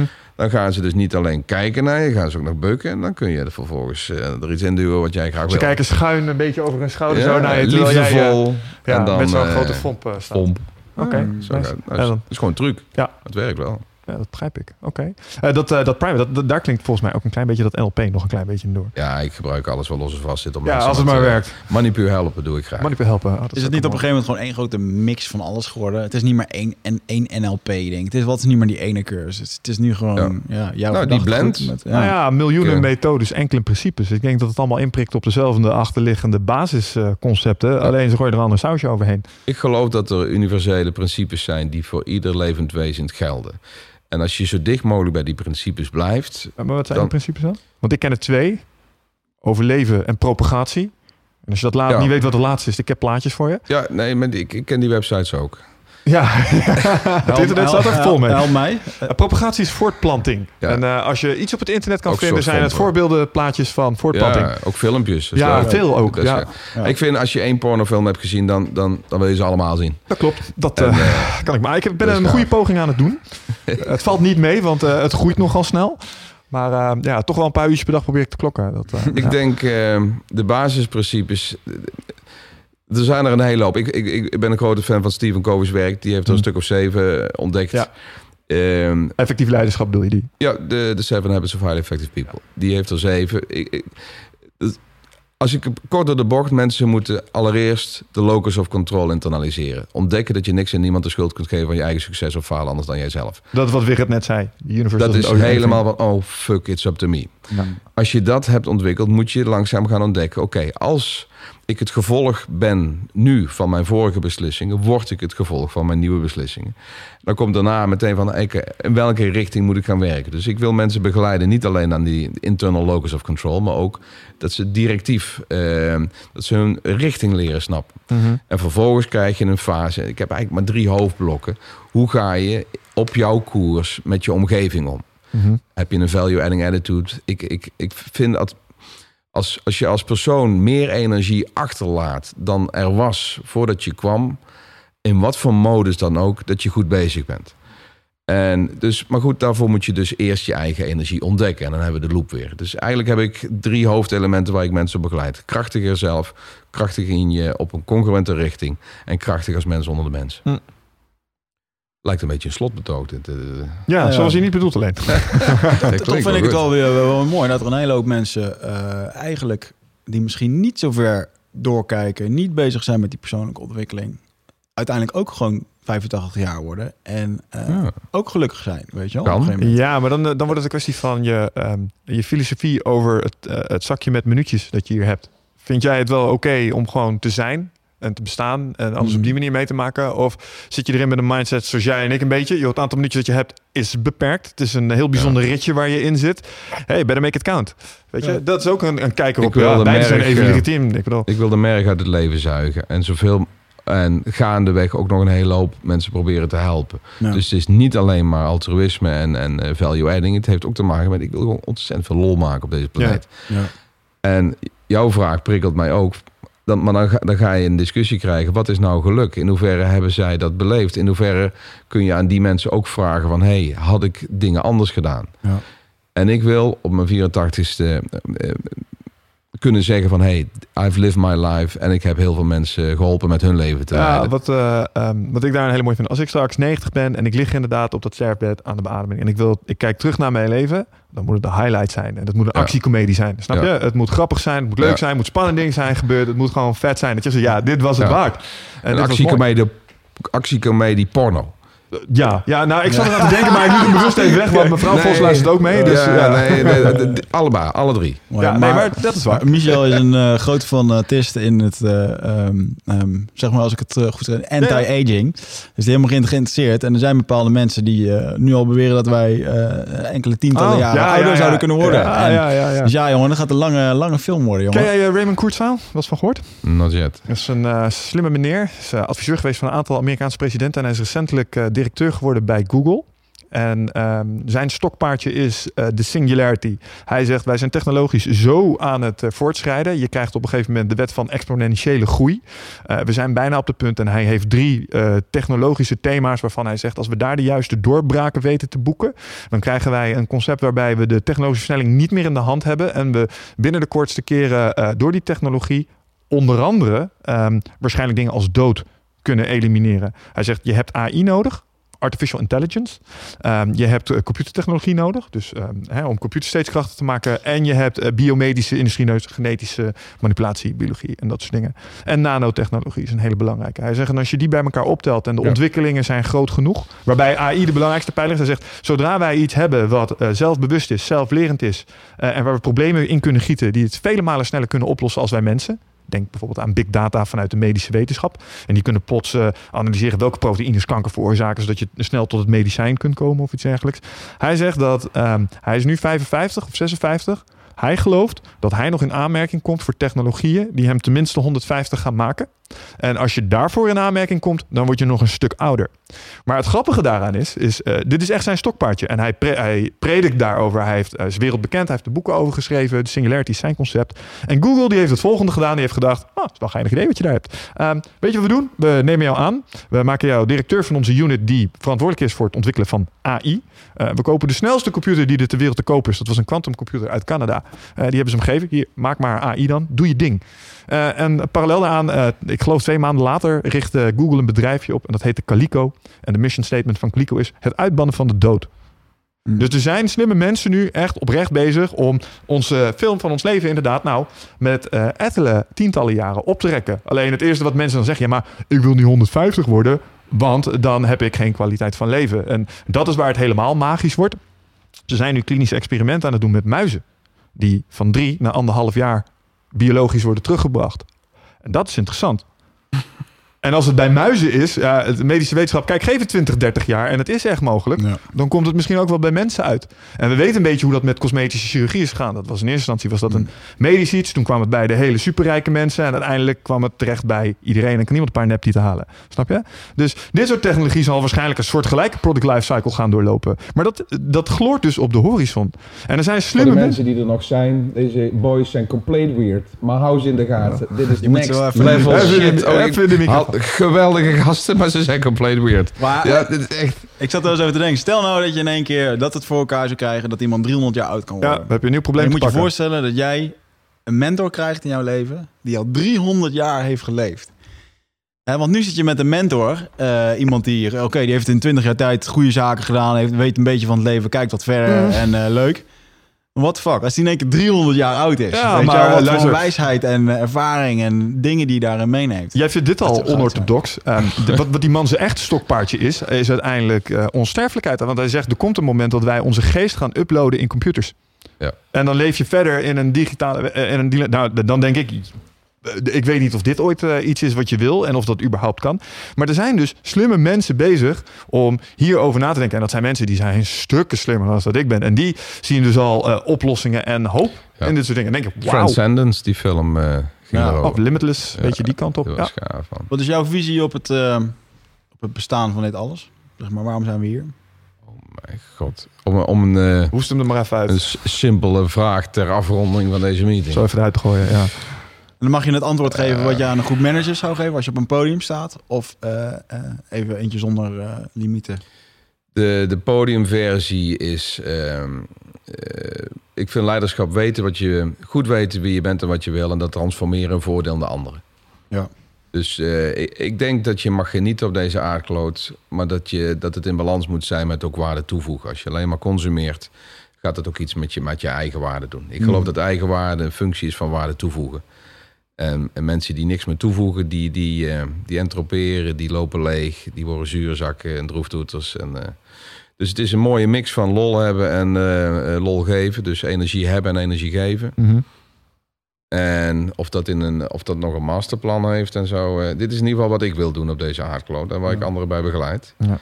En stel dat er nog een, een afterlife is en iets, dan, dan hoop ik dat je dat het ook nog iets toevoegt. Dat als je genoeg hebt opgeleverd voor anderen, Ik hoop dan dat dat het ook nog een VIP-seatje voor je is als je omvalt. eh. Ik hoop altijd dat ik het juiste kamp heb gekozen dan. Ja, ik zit niet in een kamp, dus eh, ik val sowieso buiten de boot. Ja, maar ik denk niet dat er, een, eh, zoiets bestaat als een kamp. Inderdaad, Nee, van een natuurlijk of niet. slecht of een ding. En, eh, Ja, dat, dat ligt eraan aan wie het vraagt. Ik ben opgegroeid in een christelijk dorpje in de achterlanden van Twente. Eh, Hmm. En die geloven wel degelijk in teams, zullen we maar zeggen. Jij zit niet in team christen, dus jij Ja. gaat naar de hel, vriend. ja. Ja, vind ik ook inderdaad wel... eh, oh, maar dat, ja, maar ik, dat, moe- eh, ik moest ook wel lachen toen we die podcast hadden met die, eh met die mammoetkerel... die dan eh, vervolgens opgravingen ging doen met een collega... die uit een heel erg gelovig doorkwam. En dat ze dan vervolgens een, een bot opgroeven van, 6000 van eh, weet ik veel hoeveel jaar uit. mm, En dat Ja. er dan toch twijfels waren of zijn naam Even bij die, publicatie moest. Waar staat dat ongeveer in dat boek? hier staat het management niet helemaal achter. Mm, nou ja, goed. Maar goed, uiteindelijk, ik vind het dan ook wel interessant dat als je kijkt naar. Ehm, eh, het, het geloof wordt nu een beetje als een soort van richtlijn hoe dat je moet leven. En uiteindelijk, als je daarin kijkt, was dat eigenlijk al een, ge- een geloof. Was vroeger eigenlijk hetgene wat jij nu op een podium eh, Hmm. bij mensen probeert bij te brengen. Een stukje richtgeving. En ik denk serieus dat we hadden het straks over al die WhatsAppjes en dat soort dingen, al die informatie binnenkomt. Als wij eigenlijk nog steeds optimaal functioneren in een community van maximaal 150 mensen. en We hoeven overdag een beetje te jagen. We moeten zorgen dat er genoeg voedsel komt. En één keer in de twee jaar trekken we naar een nieuw gebied. Omdat eh, de eh, Spullen op zijn. Ja. spullen op zijn. Eh, dan is dat een hele andere eh, beleving. En dan past zo'n wat simpelere eh, vormgeving daar misschien beter aan. En ook als je kijkt in de inheemse culturen van aboriginals en Ja. dat soort dingen. Ja, die hadden ook een manier van geloof en Ja. van goden. En eh, Ik denk dat we altijd die regels moeten behouden om eh de boel een beetje op de juiste richting te krijgen. Maar het liefst zou ik dan ook nog die bonobo toepassingen, die aanvullingen daar eh ja, precies willen zien. Ja, en Ja, voor de mensen die dat niet weten, bonobo's als ze conflict in de groep hebben, lossen ze dat op met obscene hoeveelheden porno. Ja, is fantastisch. Ja, ja, ik denk dat dat heel goed kan werken. Maar dan komen we weer terug op dat dat niet in elke context eh, helemaal zal slagen, denk ik. Mooi. Hey, en we hebben het even over gehad over jouw, ehm, eh, jouw kids, hoe je dat ziet, hoe dat die het beste zouden moeten opgroeien en zo. En wat nou, eh, we hebben ook best wel veel, eh, veel jongeren als luisteraar. Eh, de startende, startende werkers, startende carrière mensen. En ehm, wat zou je die voor advies mee willen geven? Wat, wat zie je daar, eh, wat zou daarin moeten gebeuren om die groep te stimuleren? Eh, Oké, Naar het volgende ik, ehm, dit, dit kan op reclame lijken, maar dat is absoluut niet mijn intentie. De, een van de bedrijven waar ik het langst en het liefst voor werk. ehm, ik vind alle cursusgroepen geweldig, maar dit, dit zijn eh, jonge mensen bij Ormit. eh 3, 24 jaar oud, sommigen wat ouder. Prachtig opgeleid, allemaal academisch gevormd. En die worden eh, op die leeftijd al geconfronteerd met het programma wat ik eigenlijk normaal geef aan 40, 50 Mhm. plus. mhm. Dus de, de baasjes van Nederland. En wat ik merk is dat die zo ontzettend mooi daarop op, op scoren. Die worden veel, ehm, niet alleen als professional doorontwikkeld. Je moet ze ook met zien als een soort outsourced management development eh, platform. Ja. Je krijgt twee jaar eh, stages, mooi salarisje, autootje en eh, alles netjes verzorgd. Maar het staat helemaal stijf van de opleidingen. Ja. En mijn 3,5-daagse, mijn paradepaardje, is daar eh, al een hele tijd eh, vast onderdeel. Dus wat ik normaal de, de wat oudere, eh, wat rijpere executives aandoe, krijgen zij exact voor hun smoel. En die leeftijd is fantastisch. Die zijn van alles aan het ontdekken. Eierstokken, carrièrepaden die wel of niet lopen. Hebben al misschien één of twee mensen begraven, relatie kapot zien gaan. Ja.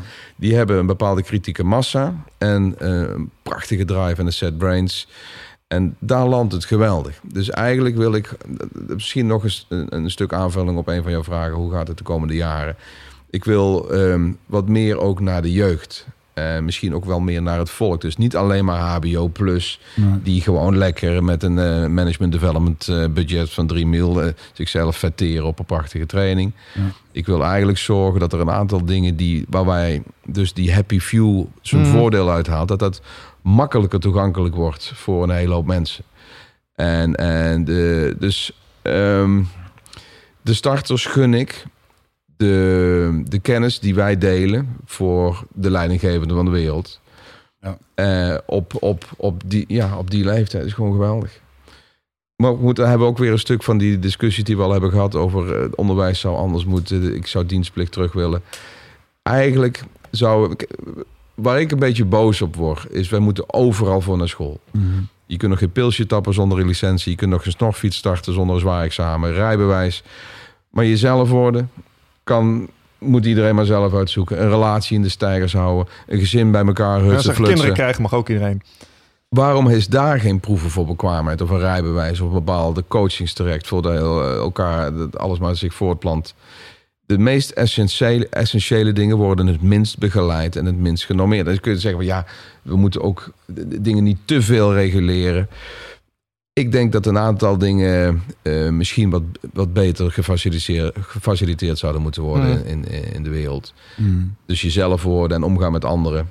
Kijk, de- de- vroeger hadden de kerken en de moskeeën en de, en de, de tempels die taak om dat te vertellen. Ik zie de Koran, de Bijbel en de, de, de, de Book of Mormons en de Ayurveda en eh, de Kabbalah zie ik eigenlijk als social norms. Dus Ja. eigenlijk re- boeken die maken dat we er een beetje op een padje blijven. Ja, of als je heel cynisch bent, een machtinstrument van de Nou, overheid om de- het de- gereel te houden. Geef de mens zo'n boek en het gaat mis. Ja. Maar wat er in al die werken staat is eigenlijk prima stuff. Ja. Maar omdat die, die, die, die, die macht aan het verdampen is eh, en er komt niks terug. Eh, De kerk geeft dus weinig opvoeding. De dienstplicht is weg. Wij worden niet geleerd hoe je moet opvoeden. En eh, ja, we worden lost souls. En eh, ja, dat, dat moet eigenlijk een beetje terug. Ik vind het wel mooi dat ik las, las ik een, een, een boek over geloven en, en naar een grotere macht kijken of naar een grotere persoon. Ja. Maar eigenlijk iemand die zegt dat hij, dat hij verlicht is, staat eigenlijk zo fucking bol van ego. Ja. Dat hij zich meer voelt dan een ander en dat iemand maar naar zijn pijpen moet dansen. Of dat nou Ja. op een goede manier gaat of niet de goede manier. Het is een hele gevaarlijke. En overal waar je eh, iemand een vingertje macht geeft, daar eh, zie je dit toch wel weer, weer Nou, terugkomen. Een van jullie zei het al eh, ergens in deze twee uur dat we het ego moeten terugdringen. Volgens mij ging het ook weer over die sappies doen. Ja. Ehm, vreemd genoeg denk ik dat er nog steeds... Het zal altijd een noodzaak blijven om mensen te ontwikkelen rondom het ego. Goed weten wie je bent, goed weten wat je wilt. Maar gek genoeg moet je als, die, als dat fundament gerealiseerd is... daarna gaan schakelen naar het wegcijferen van je ego. En dat is eigenlijk heel vreemd. Maar je hebt, je hebt het toch beide nodig. Goed, een, een zeer eh, gericht manifest ego. Eh, als je niet weet wie je bent en wat je wil... kun je ook niks betekenen voor anderen. Mhm. Maar het is wel die volgorde. Eerst het ontwikkelen voor je eigen eh, zekerheid en, en, en, en, en eigenwaarde. En daarna dat gaan omklappen in dienstbaarheid. Ja. En eh, dus eh, een hele hoop mensen gun ik wat meer ego om voor jezelf te durven kiezen. Als je, als je, als je geen plan maakt voor je eigen leven, word je ingezet in andermans plannen. En op een gegeven moment, en daar ga ik misschien nog, toch nog eens een boek over schrijven, moet het ego weer teruggedrongen worden. Want dan neemt die, die zelfbewust eh, zijn en het eh, zelfgericht zijn een vorm aan die energie kost naar Ja. anderen toe. Ja. En dan ga je dus weer verkeerd. Dus je moet eigenlijk leren ontdekken wat bij je energie past en daarna het gaan overgeven. Hm. En, Maar is dat niet iets wat je eh, situationeel moet leren doen juist? Want er zijn momenten, hè, eh, als ik kijk, eh, en dan ben ik dan soms een beetje ja, cynisch in, maar eh, bijvoorbeeld als je kijkt naar macht. Ik geloof heel erg dat waar macht zich concentreert, dat er eh, dynamieken gaan ontstaan die oninteger, ongezond en dat soort dingen zijn. Ehm, op een gemiddelde bedrijfsvloer heb je dat. Daar heb je penismeetwedstrijdjes, daar heb je machtswellustelingen, daar heb Ja. je politieke spelletjes en dat soort dingen.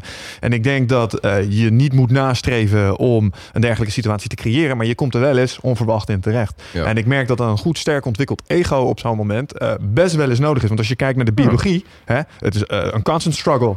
Het is, Ja. het is altijd knokken, het is altijd conflict. En voortgang gaat ook wel eens gepaard met conflict. Want als je Maar kijkt dat- naar de grootste groei in de menselijke geschiedenis, het was altijd op basis van conflict. Maar nou zeg je het eigenlijk al helemaal netjes. Je moet dus kunnen schakelen. Maar daarna Ja. ook weer terug kunnen veren. Van, hey, ben ik nog wel iemand die waarde toevoegt... in plaats van alleen maar energie onttrekt uit de omgeving. Alleen maar Mm. sloopt. En het ego kan op een gegeven moment een, een, een, een, een niveau bereiken... dat hij dat hij niet meer invoelt wat hij nog toevoegt. Ja. Mhm. En eh, dan moeten we dus weer terug. Ik denk dat je omgeving daar ook eh, eh, bijzonder eh, in bijdraagt. Ja, Weet je? Waar ik- wat ik wel laatst nog een keer over te denken over, ging het over een visie hebben. Dat een visie hebben kan links of rechts gaan, goed of slecht. Ja, Hitler had ook een visie. Ja. Weet je? En die was zo sterk en zo goed doordacht op zijn manier en uitgepland. En ook nog een keertje. Uitgevoerd. ik vraag me af of hij letterlijk een lijstje had gemaakt met doelstellingen. Zo van, nou, we hebben er weer, hè, we hebben nu weer dit gedaan of dat gedaan. Hij bereikt, Het kan ook heel blijkt in de beginjaren best, best devoot en krachtig politicus te zijn. Ja. Iedereen eh, onderwijs, iedereen goede zorg, iedereen werk. Mhm. Kijk, zijn, zijn ideeën over etnische zuiveringen hadden internationaal wat weinig draagvlak. Maar voor de Mhm. rest was het prima gozer, eh, denk ik. Nou, maar het feit, het feit is dat hij dat zeg maar in het eerste jaar goed heeft gedaan. Daarmee mensen heeft weten te winnen. Hij kreeg dingen gedaan. Ja, en in één keer komt het omslagpunt. En dat mensen, eh, sommige mensen die geloofden in hem omdat hij altijd alles al goed deed. Sommige mensen die geloofden in hem uit angst.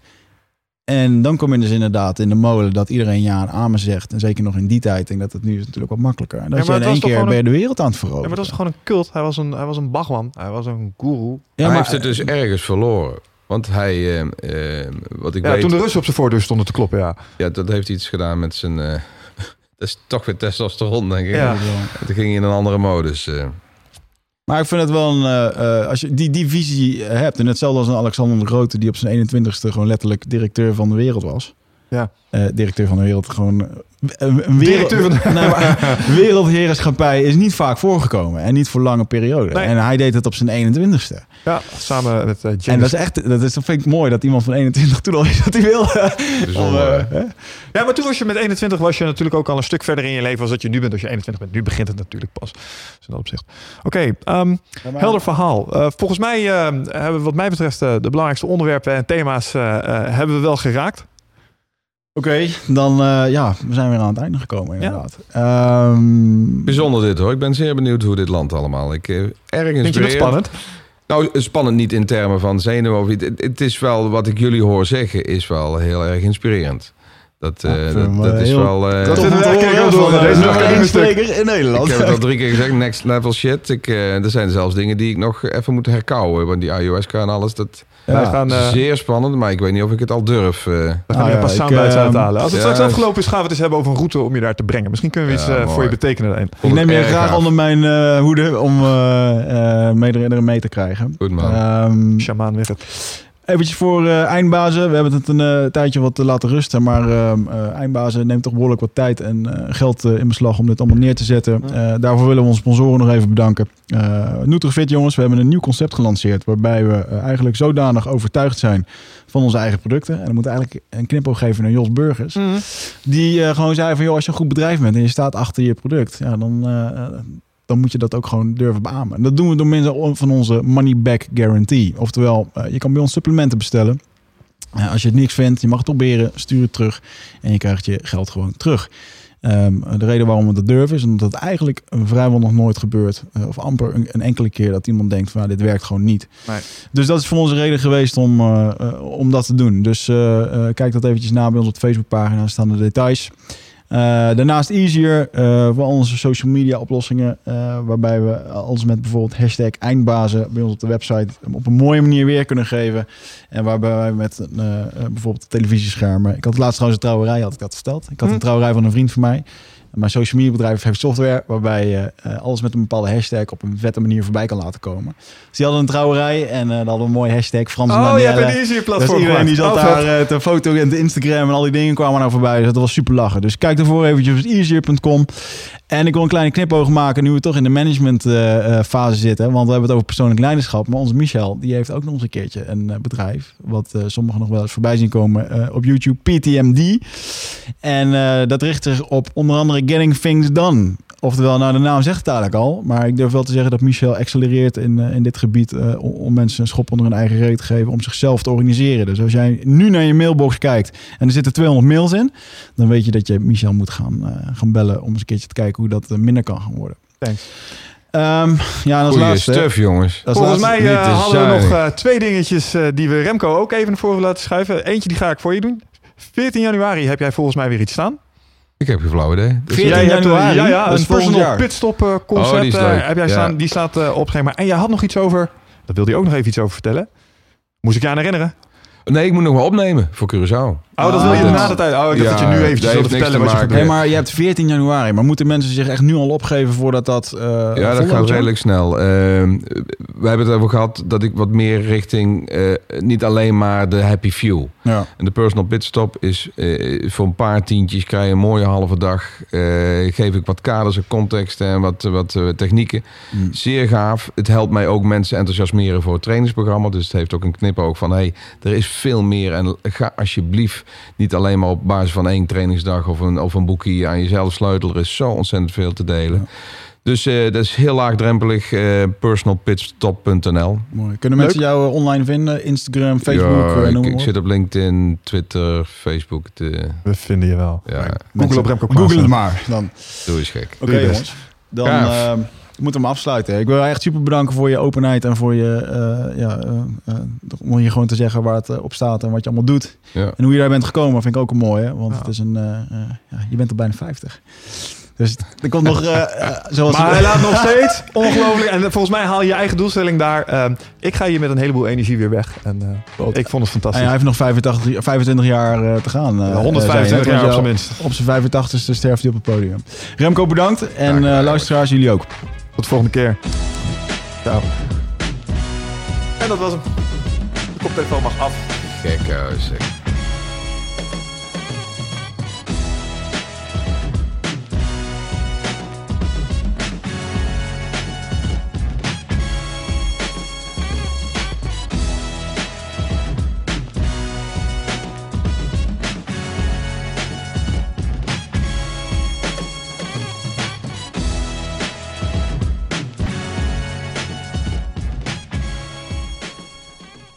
Nog niet naar huis. Nog lang niet, nog lang niet. Hi, Hi. alles goed? Nou ja, naar omstandigheden. Eh, oh, kan het beter? Eh, ja, ik heb, een, ik heb een rare schimmel onder mijn eikelrand zitten. En hij gaat maar niet weg. Dokter, wat moet ik doen? Ik weet het niet. Eh, amputatie zeggen ze. Ja, dat is wel erg. Dat is wel heel extreem, hè? Je kan altijd een sex change doen. Oh, nooit amputatie, want hij valt, als het echt erg is, valt hij er vanzelf af. Ja, dat is waar. Dat is waar. Ik denk dat het te maken heeft met het feit dat hij steeds over de grond schuurt als ik met een boxershort Ah. aanloop. Ja, dat zal het zijn. ja, dat is het. Maar eh, het ziet er naar uit dat eh, dit eh, op alle kanalen opneemt. Wigert, kun je nog even één keer heel sexy dichtbij naar de microfoon praten? Ja, Ja. maar jullie horen mij goed. Dus Ja, ik hoor je goed, maar hij slaat hier iets minder hard uit als, als mijne uitslaat. Maar dat zou kunnen, bij mij te maken kunnen hebben. Ik denk dat het met jouw harde stem te maken heeft. En aangezien ik gewoon normaal praat, zoals de podcast luisteraars dat willen, Pas op. vindt men mijn uitslag veel beter. Dat denk ik Want- ook. Mensen vinden jouw uitslag over het algemeen veel indrukwekkender. Ja, Maar de microfoon reageert ook op uiterlijk. ja En dat is het ergste. dat heeft er wel mee te maken. Een tikje.